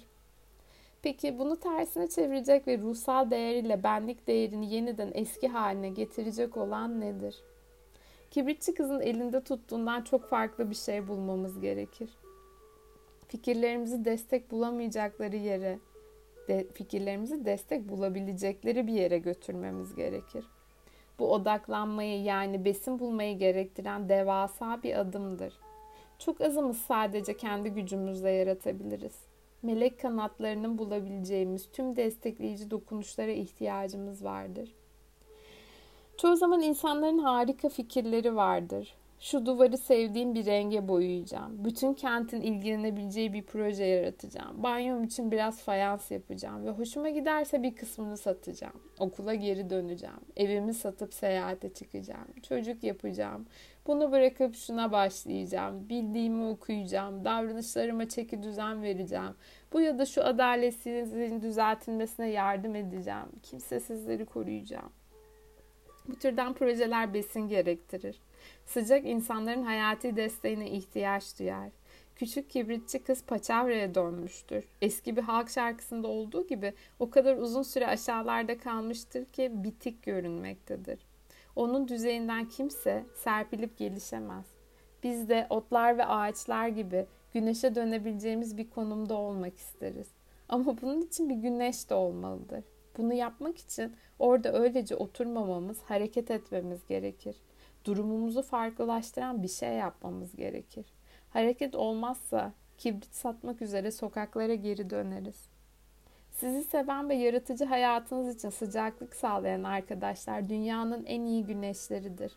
Bir kadın küçük kibritçi kız gibi arkadaşsız kalırsa kaygıdan, bazen de öfkeden donar. İnsanın arkadaşları olsa bile bu arkadaşlar güneş olmayabilir. Bu arkadaşlar şartlarını giderek daha da donduğu konusunda bilgilendirmek yerine kadını rehavete sürükleyebilirler. Onu rahatlatırlar ama bu beslemeden çok farklıdır. Besin sizi bir yerden diğerine götürür. Besin pisişik tahılgiller gibidir. Rahatlatma ile beslenme arasındaki fark şudur. Eğer karanlık bir dolapta tuttuğunuz için hastalanan bir bitkiniz varsa, ona yatıştırıcı sözler söylerseniz bu rahatlatmadır. Eğer bitkiyi dolaptan çıkarıp güneşe koyarsanız, ona içecek bir şeyler verirseniz ve sonra onunla konuşursanız işte bu beslemedir. Besinsiz kalmış donmuş bir kadın bitmek bilmeyen keşke hayallerine dalma eğilimindedir. Oysa böyle donmuş bir durumda olsa bile hatta özellikle böyle donmuş bir durumdaysa rehavete iten fantezileri reddetmelidir. Rahatlatıcı fantezinin bizi öldüreceği kesindir. Ölümcül fantezilerin nasıl işlediklerini bilirsiniz. Bir gün keşke şöyle şöyle olsaydım. O adam değişseydi de nokta nokta nokta. Sadece kendimi denetlemeyi öğrensem nokta noktaya gerçekten hazır olduğumda, gerçekten X, Y, Z'ye sahip olduğumda, çocuklar büyüdüğünde, daha güvenli olduğumda, başka birini bulduğumda nokta nokta olur olmaz şunu şunu şunu yaparım. Ve bu böylece sürüp gider. Küçük kibritçi kızın içinde kalk, uyan, ne yap et, sıcaklık bul diye bağırmak yerine onu uzaklara bir fantezi alemine, cennete götüren bir büyük annesi vardır. Ama cennet bu durumda vahşi kadına tuzağa düşen vahşi, vahşi çocuğa ya da küçük kibritçi kıza yardımcı olmayacaktır. Bu rahatlatıcı fantaziler tutuşturulmamalıdır. Bunlar gerçek faaliyetten uzaklaştıran, ayartıcı ve öldürücü şaşırtmacalardır. Öyküde kibritleri yani onu sıcak tutabilecek tek şeyi satmakla kibritçi kızın bir tür alışveriş, üzerine eni konu düşünülmemiş bir tür ticaret yaptığını görürüz. Vahşi annenin besleyici sevgisiyle bağlantıları kopan kadınlar dış dünyada ancak kıt kanaat geçinmelerine yetecek bir diyete mahkum olurlar. Ego sade bir hayat sürmekte, dışarıdan ancak en temel besinleri almakta ve her gece tekrar tekrar başladığı yerden geri dönmektedir. Orada tükenmiş bir halde uyumaktadır. Bu durumdaki bir kadın geleceği olan bir hayata uyanamaz. Çünkü sefil hayatı her gün tekrar tekrar asıldığı bir kanca gibidir. Erginlenme törenlerinde zor şartlar altında epey bir süre geçirmek kişiyi rahatına düşkünlükten ve miskinlikten koparan bir parçalanma süreciyle ilişkilidir. Erginlenmenin bir parçası olarak bir sonuca ulaşacak olan ve daha yeni burnu sürtülen kadın tazelenmiş ve daha bilge bir tinsel ve yaratıcı hayata başlayacaktır. Fakat kibritçi kız konumundaki kadınların ters giden bir erginlenme içinde oldukları söylenebilir. Düşmanca şartlar derinleşmeyi sağlamaz. Aksine sadece yok olmaya yarar. Farklı destek ve rehberlikleri olan başka bir yol, başka bir ortam seçilmelidir. Tarihsel olarak ve özellikle erkeklerin psikolojisinde hastalık, sürgün ve acı çekme genellikle erginleyici bir parçalanma olarak anlaşılır. Bu kimi zaman büyük anlamlar taşıyan bir parçalanmadır ama kadınlar için onların yaratılış psikolojilerinden ve beden yapılarından doğan başka erginlenme arketipleri de vardır. Aşık olmak ya da besleyici bir sevgi görmek gibi. Doğurmak da bunlardan biridir. Kanın gücü ise bir başkasıdır. Çok saygı gösterdiği biri tarafından kutsanmak, kendisinden büyük birinden destekleyici ve derin bir eğitim almak. Bütün bunlar kendi gerilimlerine ve dirilişlerine sahip olan yoğun erginlenmelerdir. Kibritçi kızın erginlenmeyi tamamlayacak olan hareketle ilgili geçiş aşamasına hem çok yaklaştığı hem de bu geçişe bir o kadar uzak kaldığı söylenebilir sefil hayatında bir erginlenme yaşantısı için gereken malzemelere sahiptir. Ama içeride ya da dışarıda psişik sürecine rehberlik edecek kimse yoktur. Psişik olarak en olumsuz anlamıyla kış, dokunduğu her şeye ölümün öpücüğünü yani soğukluğu getirir. Soğukluk herhangi bir ilişkinin bitişini ifade eder. Eğer bir şeyi öldürmek isterseniz ona karşı soğuk durmanız yeterlidir insan, duygu, düşünce ya da eylem bakımından donuklaştığında ilişkinin var olması da olanak, olanaksızlaşır.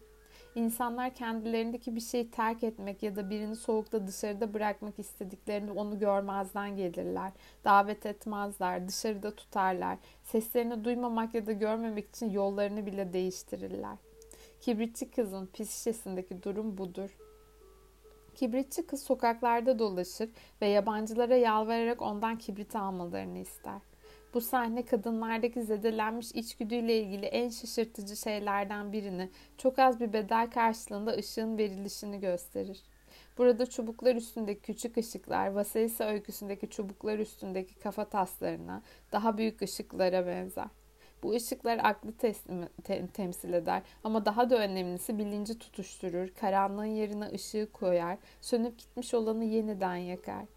Ateş, Pisişe'deki yeniden canlandırıcı özelliğin başlıca simgesidir. Burada kibritçi kızın büyük bir ihtiyaç içinde olduğunu görüyoruz. Yalvarırken aslında karşılığında aldığı değerden bir kuruş, çok daha büyük değerler, değerde bir şey, bir ışık sunar. Bu alınan daha az değer için daha büyük değer verilmesi süreci ister psişelerimizin içinde olsun, isterse dış dünyada yaşasın sonuç aynıdır. Daha çok enerji kaybı. Bu durumda bir kadın kendi ihtiyaçlarına karşılık veremez. Yaşamak isteyen bir şey bunun için yalvarır ama yanıt gelmez. Burada Yunan akıl ferisi Sofya'nın Sofya gibi deniz diplerinden ateşi getiren biri vardır. Ama bu ateşi faydasız fantezilerin gelişi güzelliği içinde satıp elden çıkarır. Kötü sevgililer, çürümüş patronlar, sömürücü durumlar, her türden şeytani kompleksler kadını bu türden seçimler yapması yönünde ayartır. Kibritçi kız kibritleri yakmaya karar verdiğinde kaynaklarını hareket, harekete geçirmek yerine fanteziler kurmak için kullanır enerjisini bir anlamda anlık hevesler için tüketir. Bu kadınların hayatında kendisini çok belirgin biçimlerde gösterir. Üniversiteye gitmeye karar vermiştir ama hangisinde karar kılınacağını belirlemesi 3 yılını alır. Bir dizi resim yapacaktır ama sergileyecek yeri olmadığından resim yapmaya öncelik tanımaz. Şunu ya da bunu yapmak ister ama iyi yapmasını sağlayacak duyarlılığı ya da beceriyi öğrenip geliştirecek zamanı ayırmaz.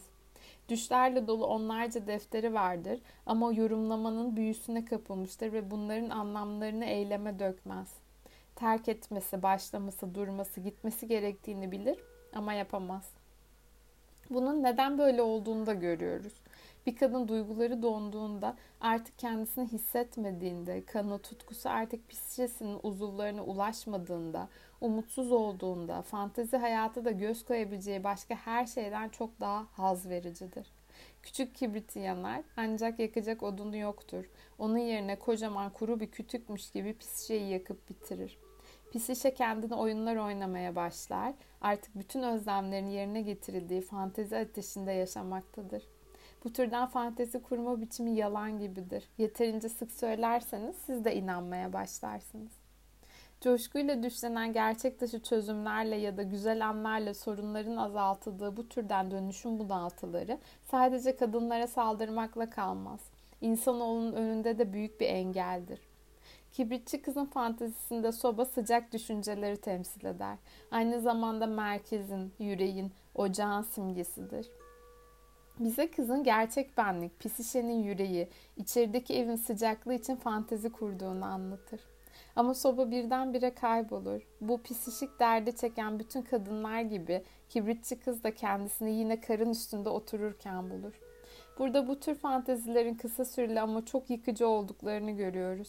Enerjimizden başka yakacak bir şey yoktur onun. Bir kadın fantezilerini kendini sıcak tutmak için kullanabilse de önünde sonunda kendini yine derin dondurucuda bulacaktır. Kibritçi kız diğer kibritlerini de yakar. Her bir fantezi yanarak tükenir.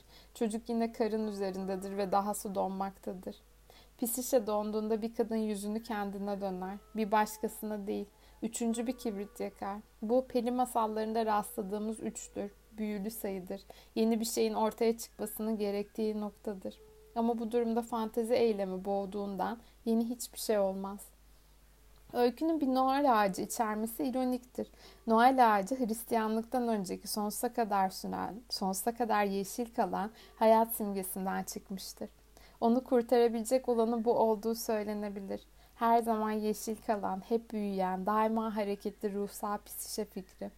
Ama odanın tavanı yoktur. Hayat fikri psişede tutulamaz. Büyülenmeye teslim olunmuştur. Büyükanne çok sıcaktır, çok müşfiktir ama son morfindir, son zehir yudumudur. Çocuğu ölüm uykusuna çeker. En olumsuz anlamıyla bu miskinlik ve uyuşukluk uykusudur. Sorun yok, halledebilirim ya da inkar uykusudur. Sadece başka bir yol deniyorum. Bu habis fantezi uykusudur. Bu uykuda tüm sıkıntıların büyülü bir şekilde gözden kaybolmasını umarız libidonun ya da enerjinin soluklarının artık aynada görünmediği bir noktaya kadar silinip gitmesi halinde hayat ölüm hayat doğasının burada büyük anneyle resmedilen bir temsilcisinin ortaya çıkması psişik bir olgudur. Onun işi bir şeyin ölümüne yetişmek, arkada kabuğu bırakan ruha, ruha kuluçkaya yatmak ve yeniden doğana kadar göz kulak olmaktır. Herkesin psişesinin kutsallığı da burada yatar. Kibritçi kızınki gibi acı verici bir sonu olan bir olayda bile bir ışık huzmesi vardır. Zamana, hoşnutsuzluğa ve baskılara yeterince katlanıldığında Pisişe'nin vahşi kadını, kadının zihnine yeni bir hayat fırlatacak, ona bir kez daha kendi yararına davranma fırsatı verecektir. Çekilen acılardan da görebileceğimiz gibi fantaziye duyulan bağımlılığı iyileştirmek, ölülerden ayağa kalkmalarını isteyip umutla beklemekten çok daha iyidir.'' Yaratıcı ateşi yenilemek. Şimdi hayal edelim. Her şeyimiz var. Amaçlarımız belli. Gerçeklerden kaçış amaçlı fantezilerde boğulmuyoruz. Bütünleşmişiz ve yaratıcı hayatımız serpiliyor. Başka bir niteliğe daha ihtiyacımız var. Odağımızı kaybettiğimiz zaman, kaybedersek değil. Yani bir süreliğine yenildiğimizde ne yapacağımızı bilmemiz gerekir. Ne? Bütün bu işlerden sonra odağımızı kaybedebilir miyiz? Evet, geçici olarak kaybedebiliriz ama doğal düzen budur. Aşağıda ailemizde 3 altın saç adı verilen ve bu konuyla ilgili güzel bir masal bulacaksın. Ailemde öykülerin kanatları olduğunu söyleyen bir söz var. Anlattığım öykülerden bir kısmı Macar üvey ailemin okyanus aşırı göçleri yoluyla savaşlar sırasında köylerinden kaçarken onlarla birlikte Karpat dağlarından uçarak geldi. Bir süre Urallarda eğleştiler. Oradan okyanusu geçerek Kuzey Amerika'ya ulaştılar. Küçük düzensiz topluluklar kurdular ve derken yaşantılarıyla biçimlenen öyküleri geniş ormanlardan aşağıya doğru süzerek büyük göller yöresine yolculuk etti. Üç altın saçın özünü bana Doğu Avrupa'da büyümüş yetenekli bir şifacı ve güçlü bir duacı olan Tante Katam kısaca anlattı. Ben de burada daha ayrıntılı olarak size aktarıyorum. Araştırmalarımda altın saç ana motifi etrafında dönen tamamen farklı Germen ve Kelt kökenli başka öyküler olduğunu fark ettim. Bir öykünün ana motifi ya da özü psişedeki arketipsel bir bağlantı yerini temsil eder. Arketiplerin doğasıdır bu. Psişeyle temas ettikleri noktada kendilerinden ince bir ayrıntı kalır. simgesel temsiller olarak kimi zaman arkalarında her ölümlünün hayat öykülerine, düşlerine ve fikirlerine giren bir kanıt bırakırlar. Bilinmeyen bir yerde duran arketipler denebilir ki zamanı ve mekanını aşan ve her yeni kuşağı bilgilendiren bir dizi psişe talimatından oluşur. Bu öykünün teması bir kez yitirilince odanın tekrar nasıl kazanılacağı ile ilgilidir. Odak, ruh sesinin talimatlarının hissedilmesi, duyulması ve izlenmesinden oluşur. Birçok kadın odaklanma konusunda oldukça iyiyse de odakla temasını yitirdiğinde patlayarak her tarafa saçılan bir kuş tüyü yatak gibi darmadağın olur. Vahşi doğadan hissettiğimiz ve işittiğimiz her şey için bir taşıyıcıya sahip olmak önemlidir. Bazı kadınlar için bu günlükleridir. Günlükleriyle oraya buraya uçuşan her tüyün izini sürerler. Bazıları için yaratıcı sanattır. Onu dans ettirirler, resmederler, bir senaryoya çevirirler. Baba Yaga'yı hatırlıyor musun? Onun büyük bir kazanı vardır. Aslında bir havan ve tokmağından oluşan kazanıyla gökyüzünde yolculuk eder. Başka bir deyişle şeyleri içine koyacağı bir taşıyıcısı vardır. Bir düşünme tarzı vardır. İçindekileri bir yerden başka bir yere taşıma yolu vardır. Evet, bütün enerji kaybı sorununun çözümü sınırları olan bir kaptır. Fakat bir şey daha vardır. Hadi onu görelim.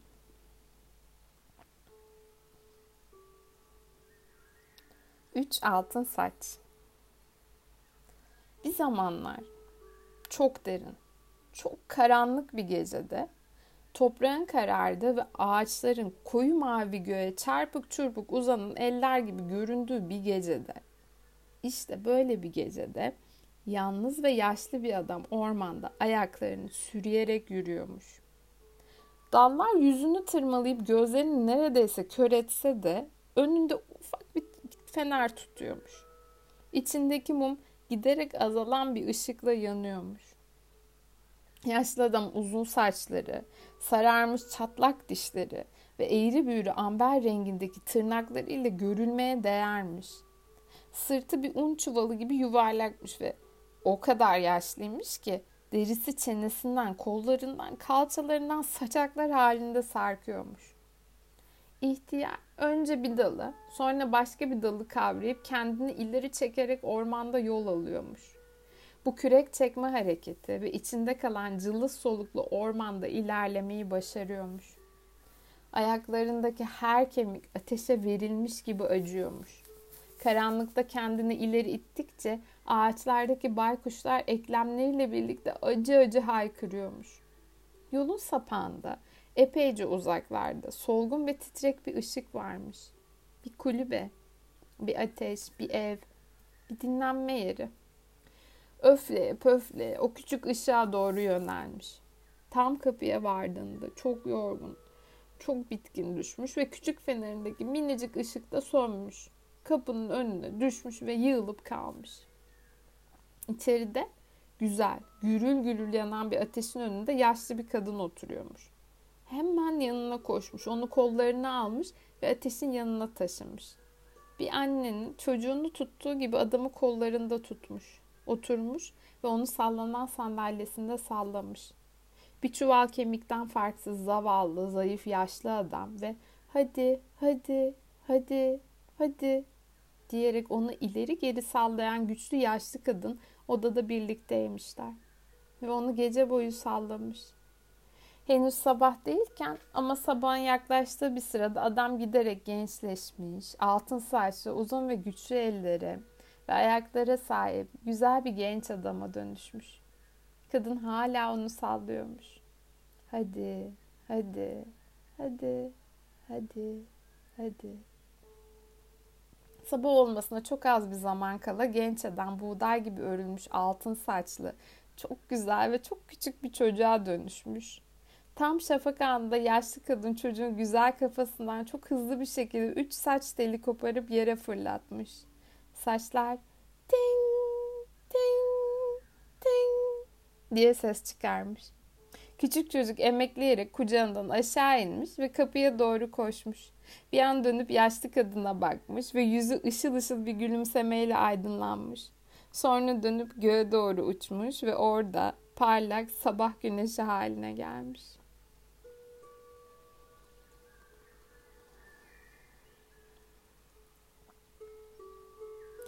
Geceleri her şey farklıdır. Bu yüzden bu öyküyü anlamak için bir gece bilincine, her gıcırtı ve çıtırtı karşısında çok daha fazla tetikte olduğumuz bir hale inmemiz gerekir. Gece kendimizi gündüz saatlerinde pek de bilincinde olmadığımız temel fikir ve duygulara daha yakın olduğumuz zamanlardır. Mitlerde gece Nixon'un dünyayı yapan kadının dünyasıdır. Nixon'a günlerin yaşlı anasıdır. Hayat ve ölüm koca karılarından biridir.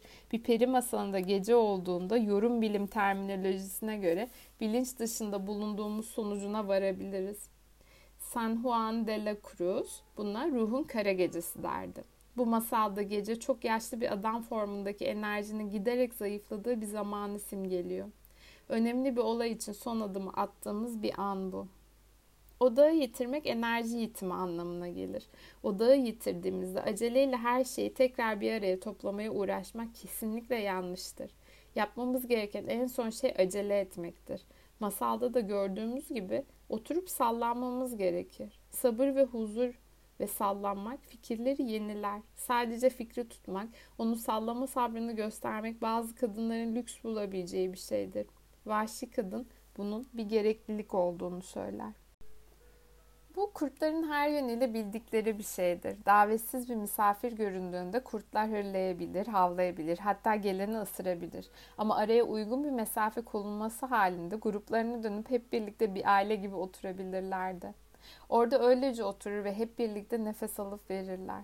Göğüs kafesleri içeri ve dışarı gidip gelir, aşağı iner ve yukarı çıkar odaklanır, konumlarını değiştirir, kendi çevrelerinde döner ve neyin önemli olduğunu, ardından ne yapılacağını belirlerler. Tam şu anda bir şey yapmamaya, sadece oturup nefes almaya, sadece birlikte sallanmaya karar verirler. Fikirlerin açılıp gelişmediği veya doğru dürüst işlemediği ya da bizim onları iyi çalıştıramadığımız çoğu durumda odağımızı yitiririz. Bu doğal döngünün bir parçasıdır ve fikir bayatladığı için ya da onu yeni bir tarzda görme yeteneğimizi yitirdiğimiz için ortaya çıkar. Üç altın saçtaki yaşlı adam gibi kendimizi yaşlandırıp gıcırtılar çıkaran birine dönüştürürüz. Yaratıcılıktaki tıkanıklıklar hakkında birçok kuran bulunsa da gerçek şudur. Bunların hafif olanları hava durumu değişimleri ve mevsimler gibi gelir ve gider.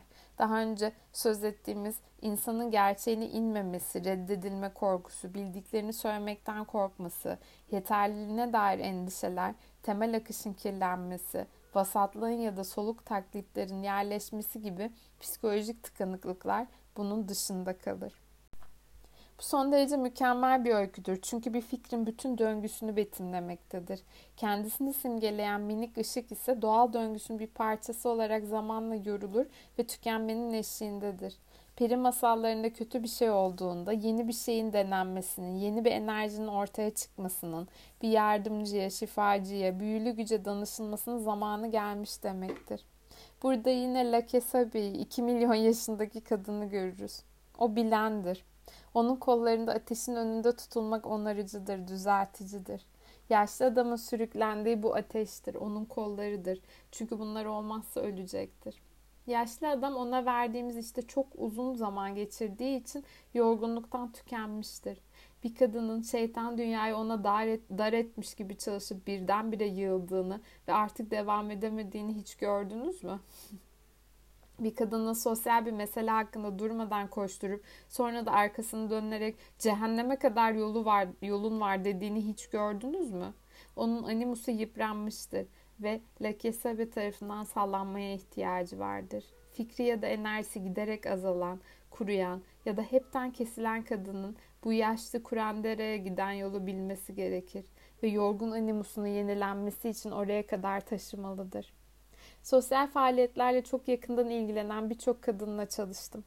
Hiç kuşku yok ki bu döngünün uzun dönüşlerinde yorulan bu kadınlar yola çıkmaya hazır bir halde gıcırdayan bacakları, sönmeye yüz tutmuş titrek ışıkları saçan fenerleriyle ormana doğru sürüklenirler. Böyle anlarda şunu söylerler. Artık yetti. Bırakıyorum.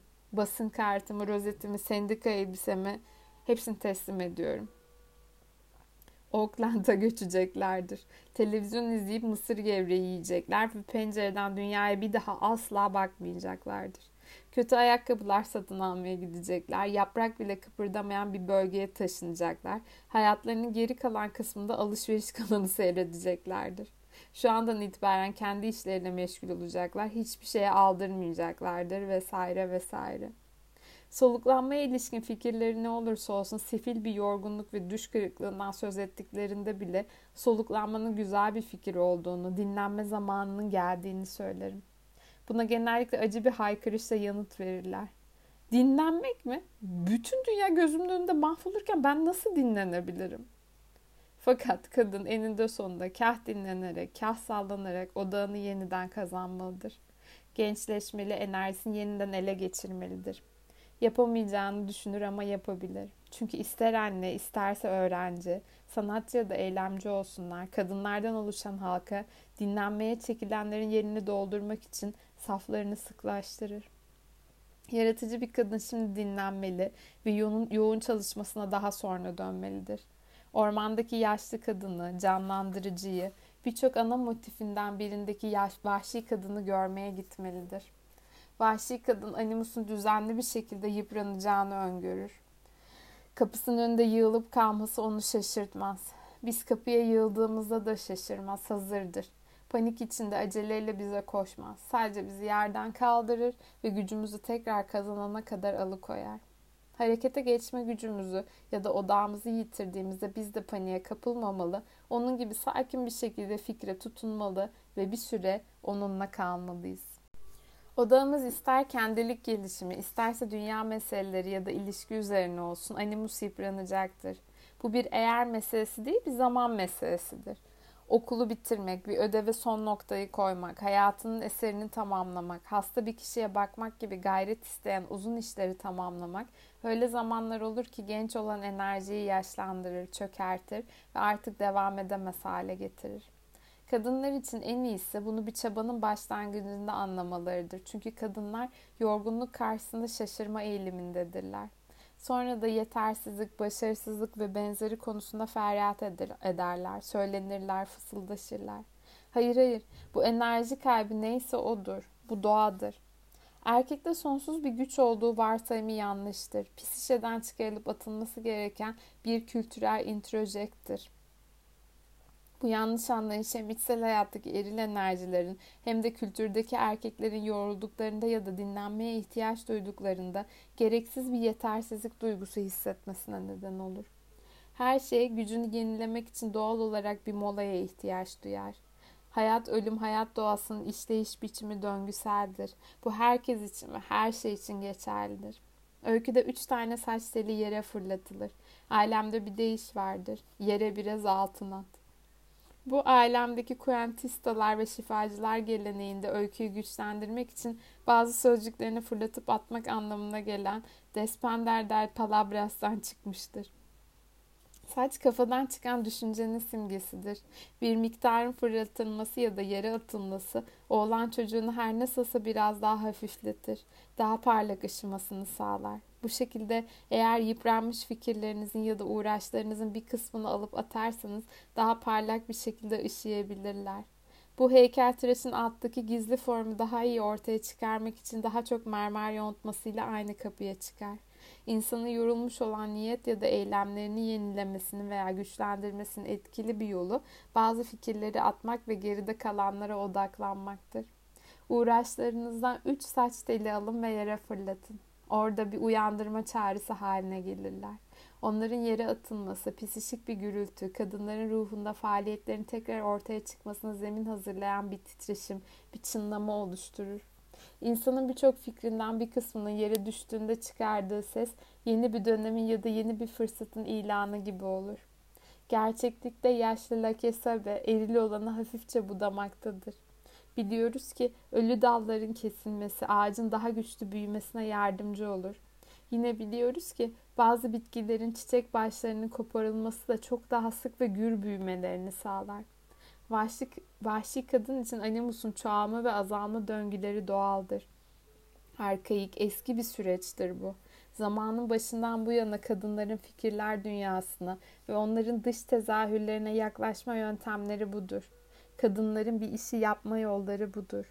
Üç altın saç masalındaki yaşlı kadın bize bunun nasıl yapıldığını öğretir. Aslında yeniden öğretir. Peki bu geri almanın ve odaklanmanın, yitirilmiş olan şeylerin bu şekilde geri çağrılmasının, kurtlarla birlikte koşmanın önemi nedir? Önemi meselenin can damarına saldırmaktır. Hayatımızdaki her şeyin tohumlarına ve kemiklerine kadar inmektir. Çünkü orası zevkinizin durduğu yerdir, sevincinizin olduğu yerdir. Bir kadının cennetinin bulunduğu yerdir. Olma, gezme, merak etme, yazma, şarkı söyleme, yaratma ve korkmama zamanının ve özgürlüğünün bulunduğu yerdir. Kurtlar bir haz ya da tehlike hali algıladıklarında önce tamamen hareketsiz kalır. Görebilmek, işitebilmek, orada ne olduğunu, orada en temel formuyla ne olduğunu hissedebilmek için bir heykel gibi kalır. Tamamen odaklanırlar. Vahşi doğanın bize sunduğu şey budur.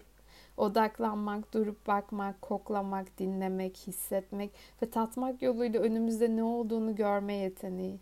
Odaklanmak, sezgi dahil duygularımızın tümünün kullanılmasıdır. Kadınların bu dünyaya gelmelerinin amacı kendi seslerine, kendi değerlerine, düş güçlerine, uzağa görme yeteneklerine, duru görülerine, öykülerine ve eski anılarına sahip çıkmaktır. Bunlar da odaklanma ve yaratmanın işidir. Odağı kaybettiyseniz sadece oturun ve öylece kalın. Fikri alıp öne arkaya sallayın. Bir kısmını tutun, bir kısmını da atın. Kendini yenileyecektir. Daha fazlasını yapmanıza gerek yoktur.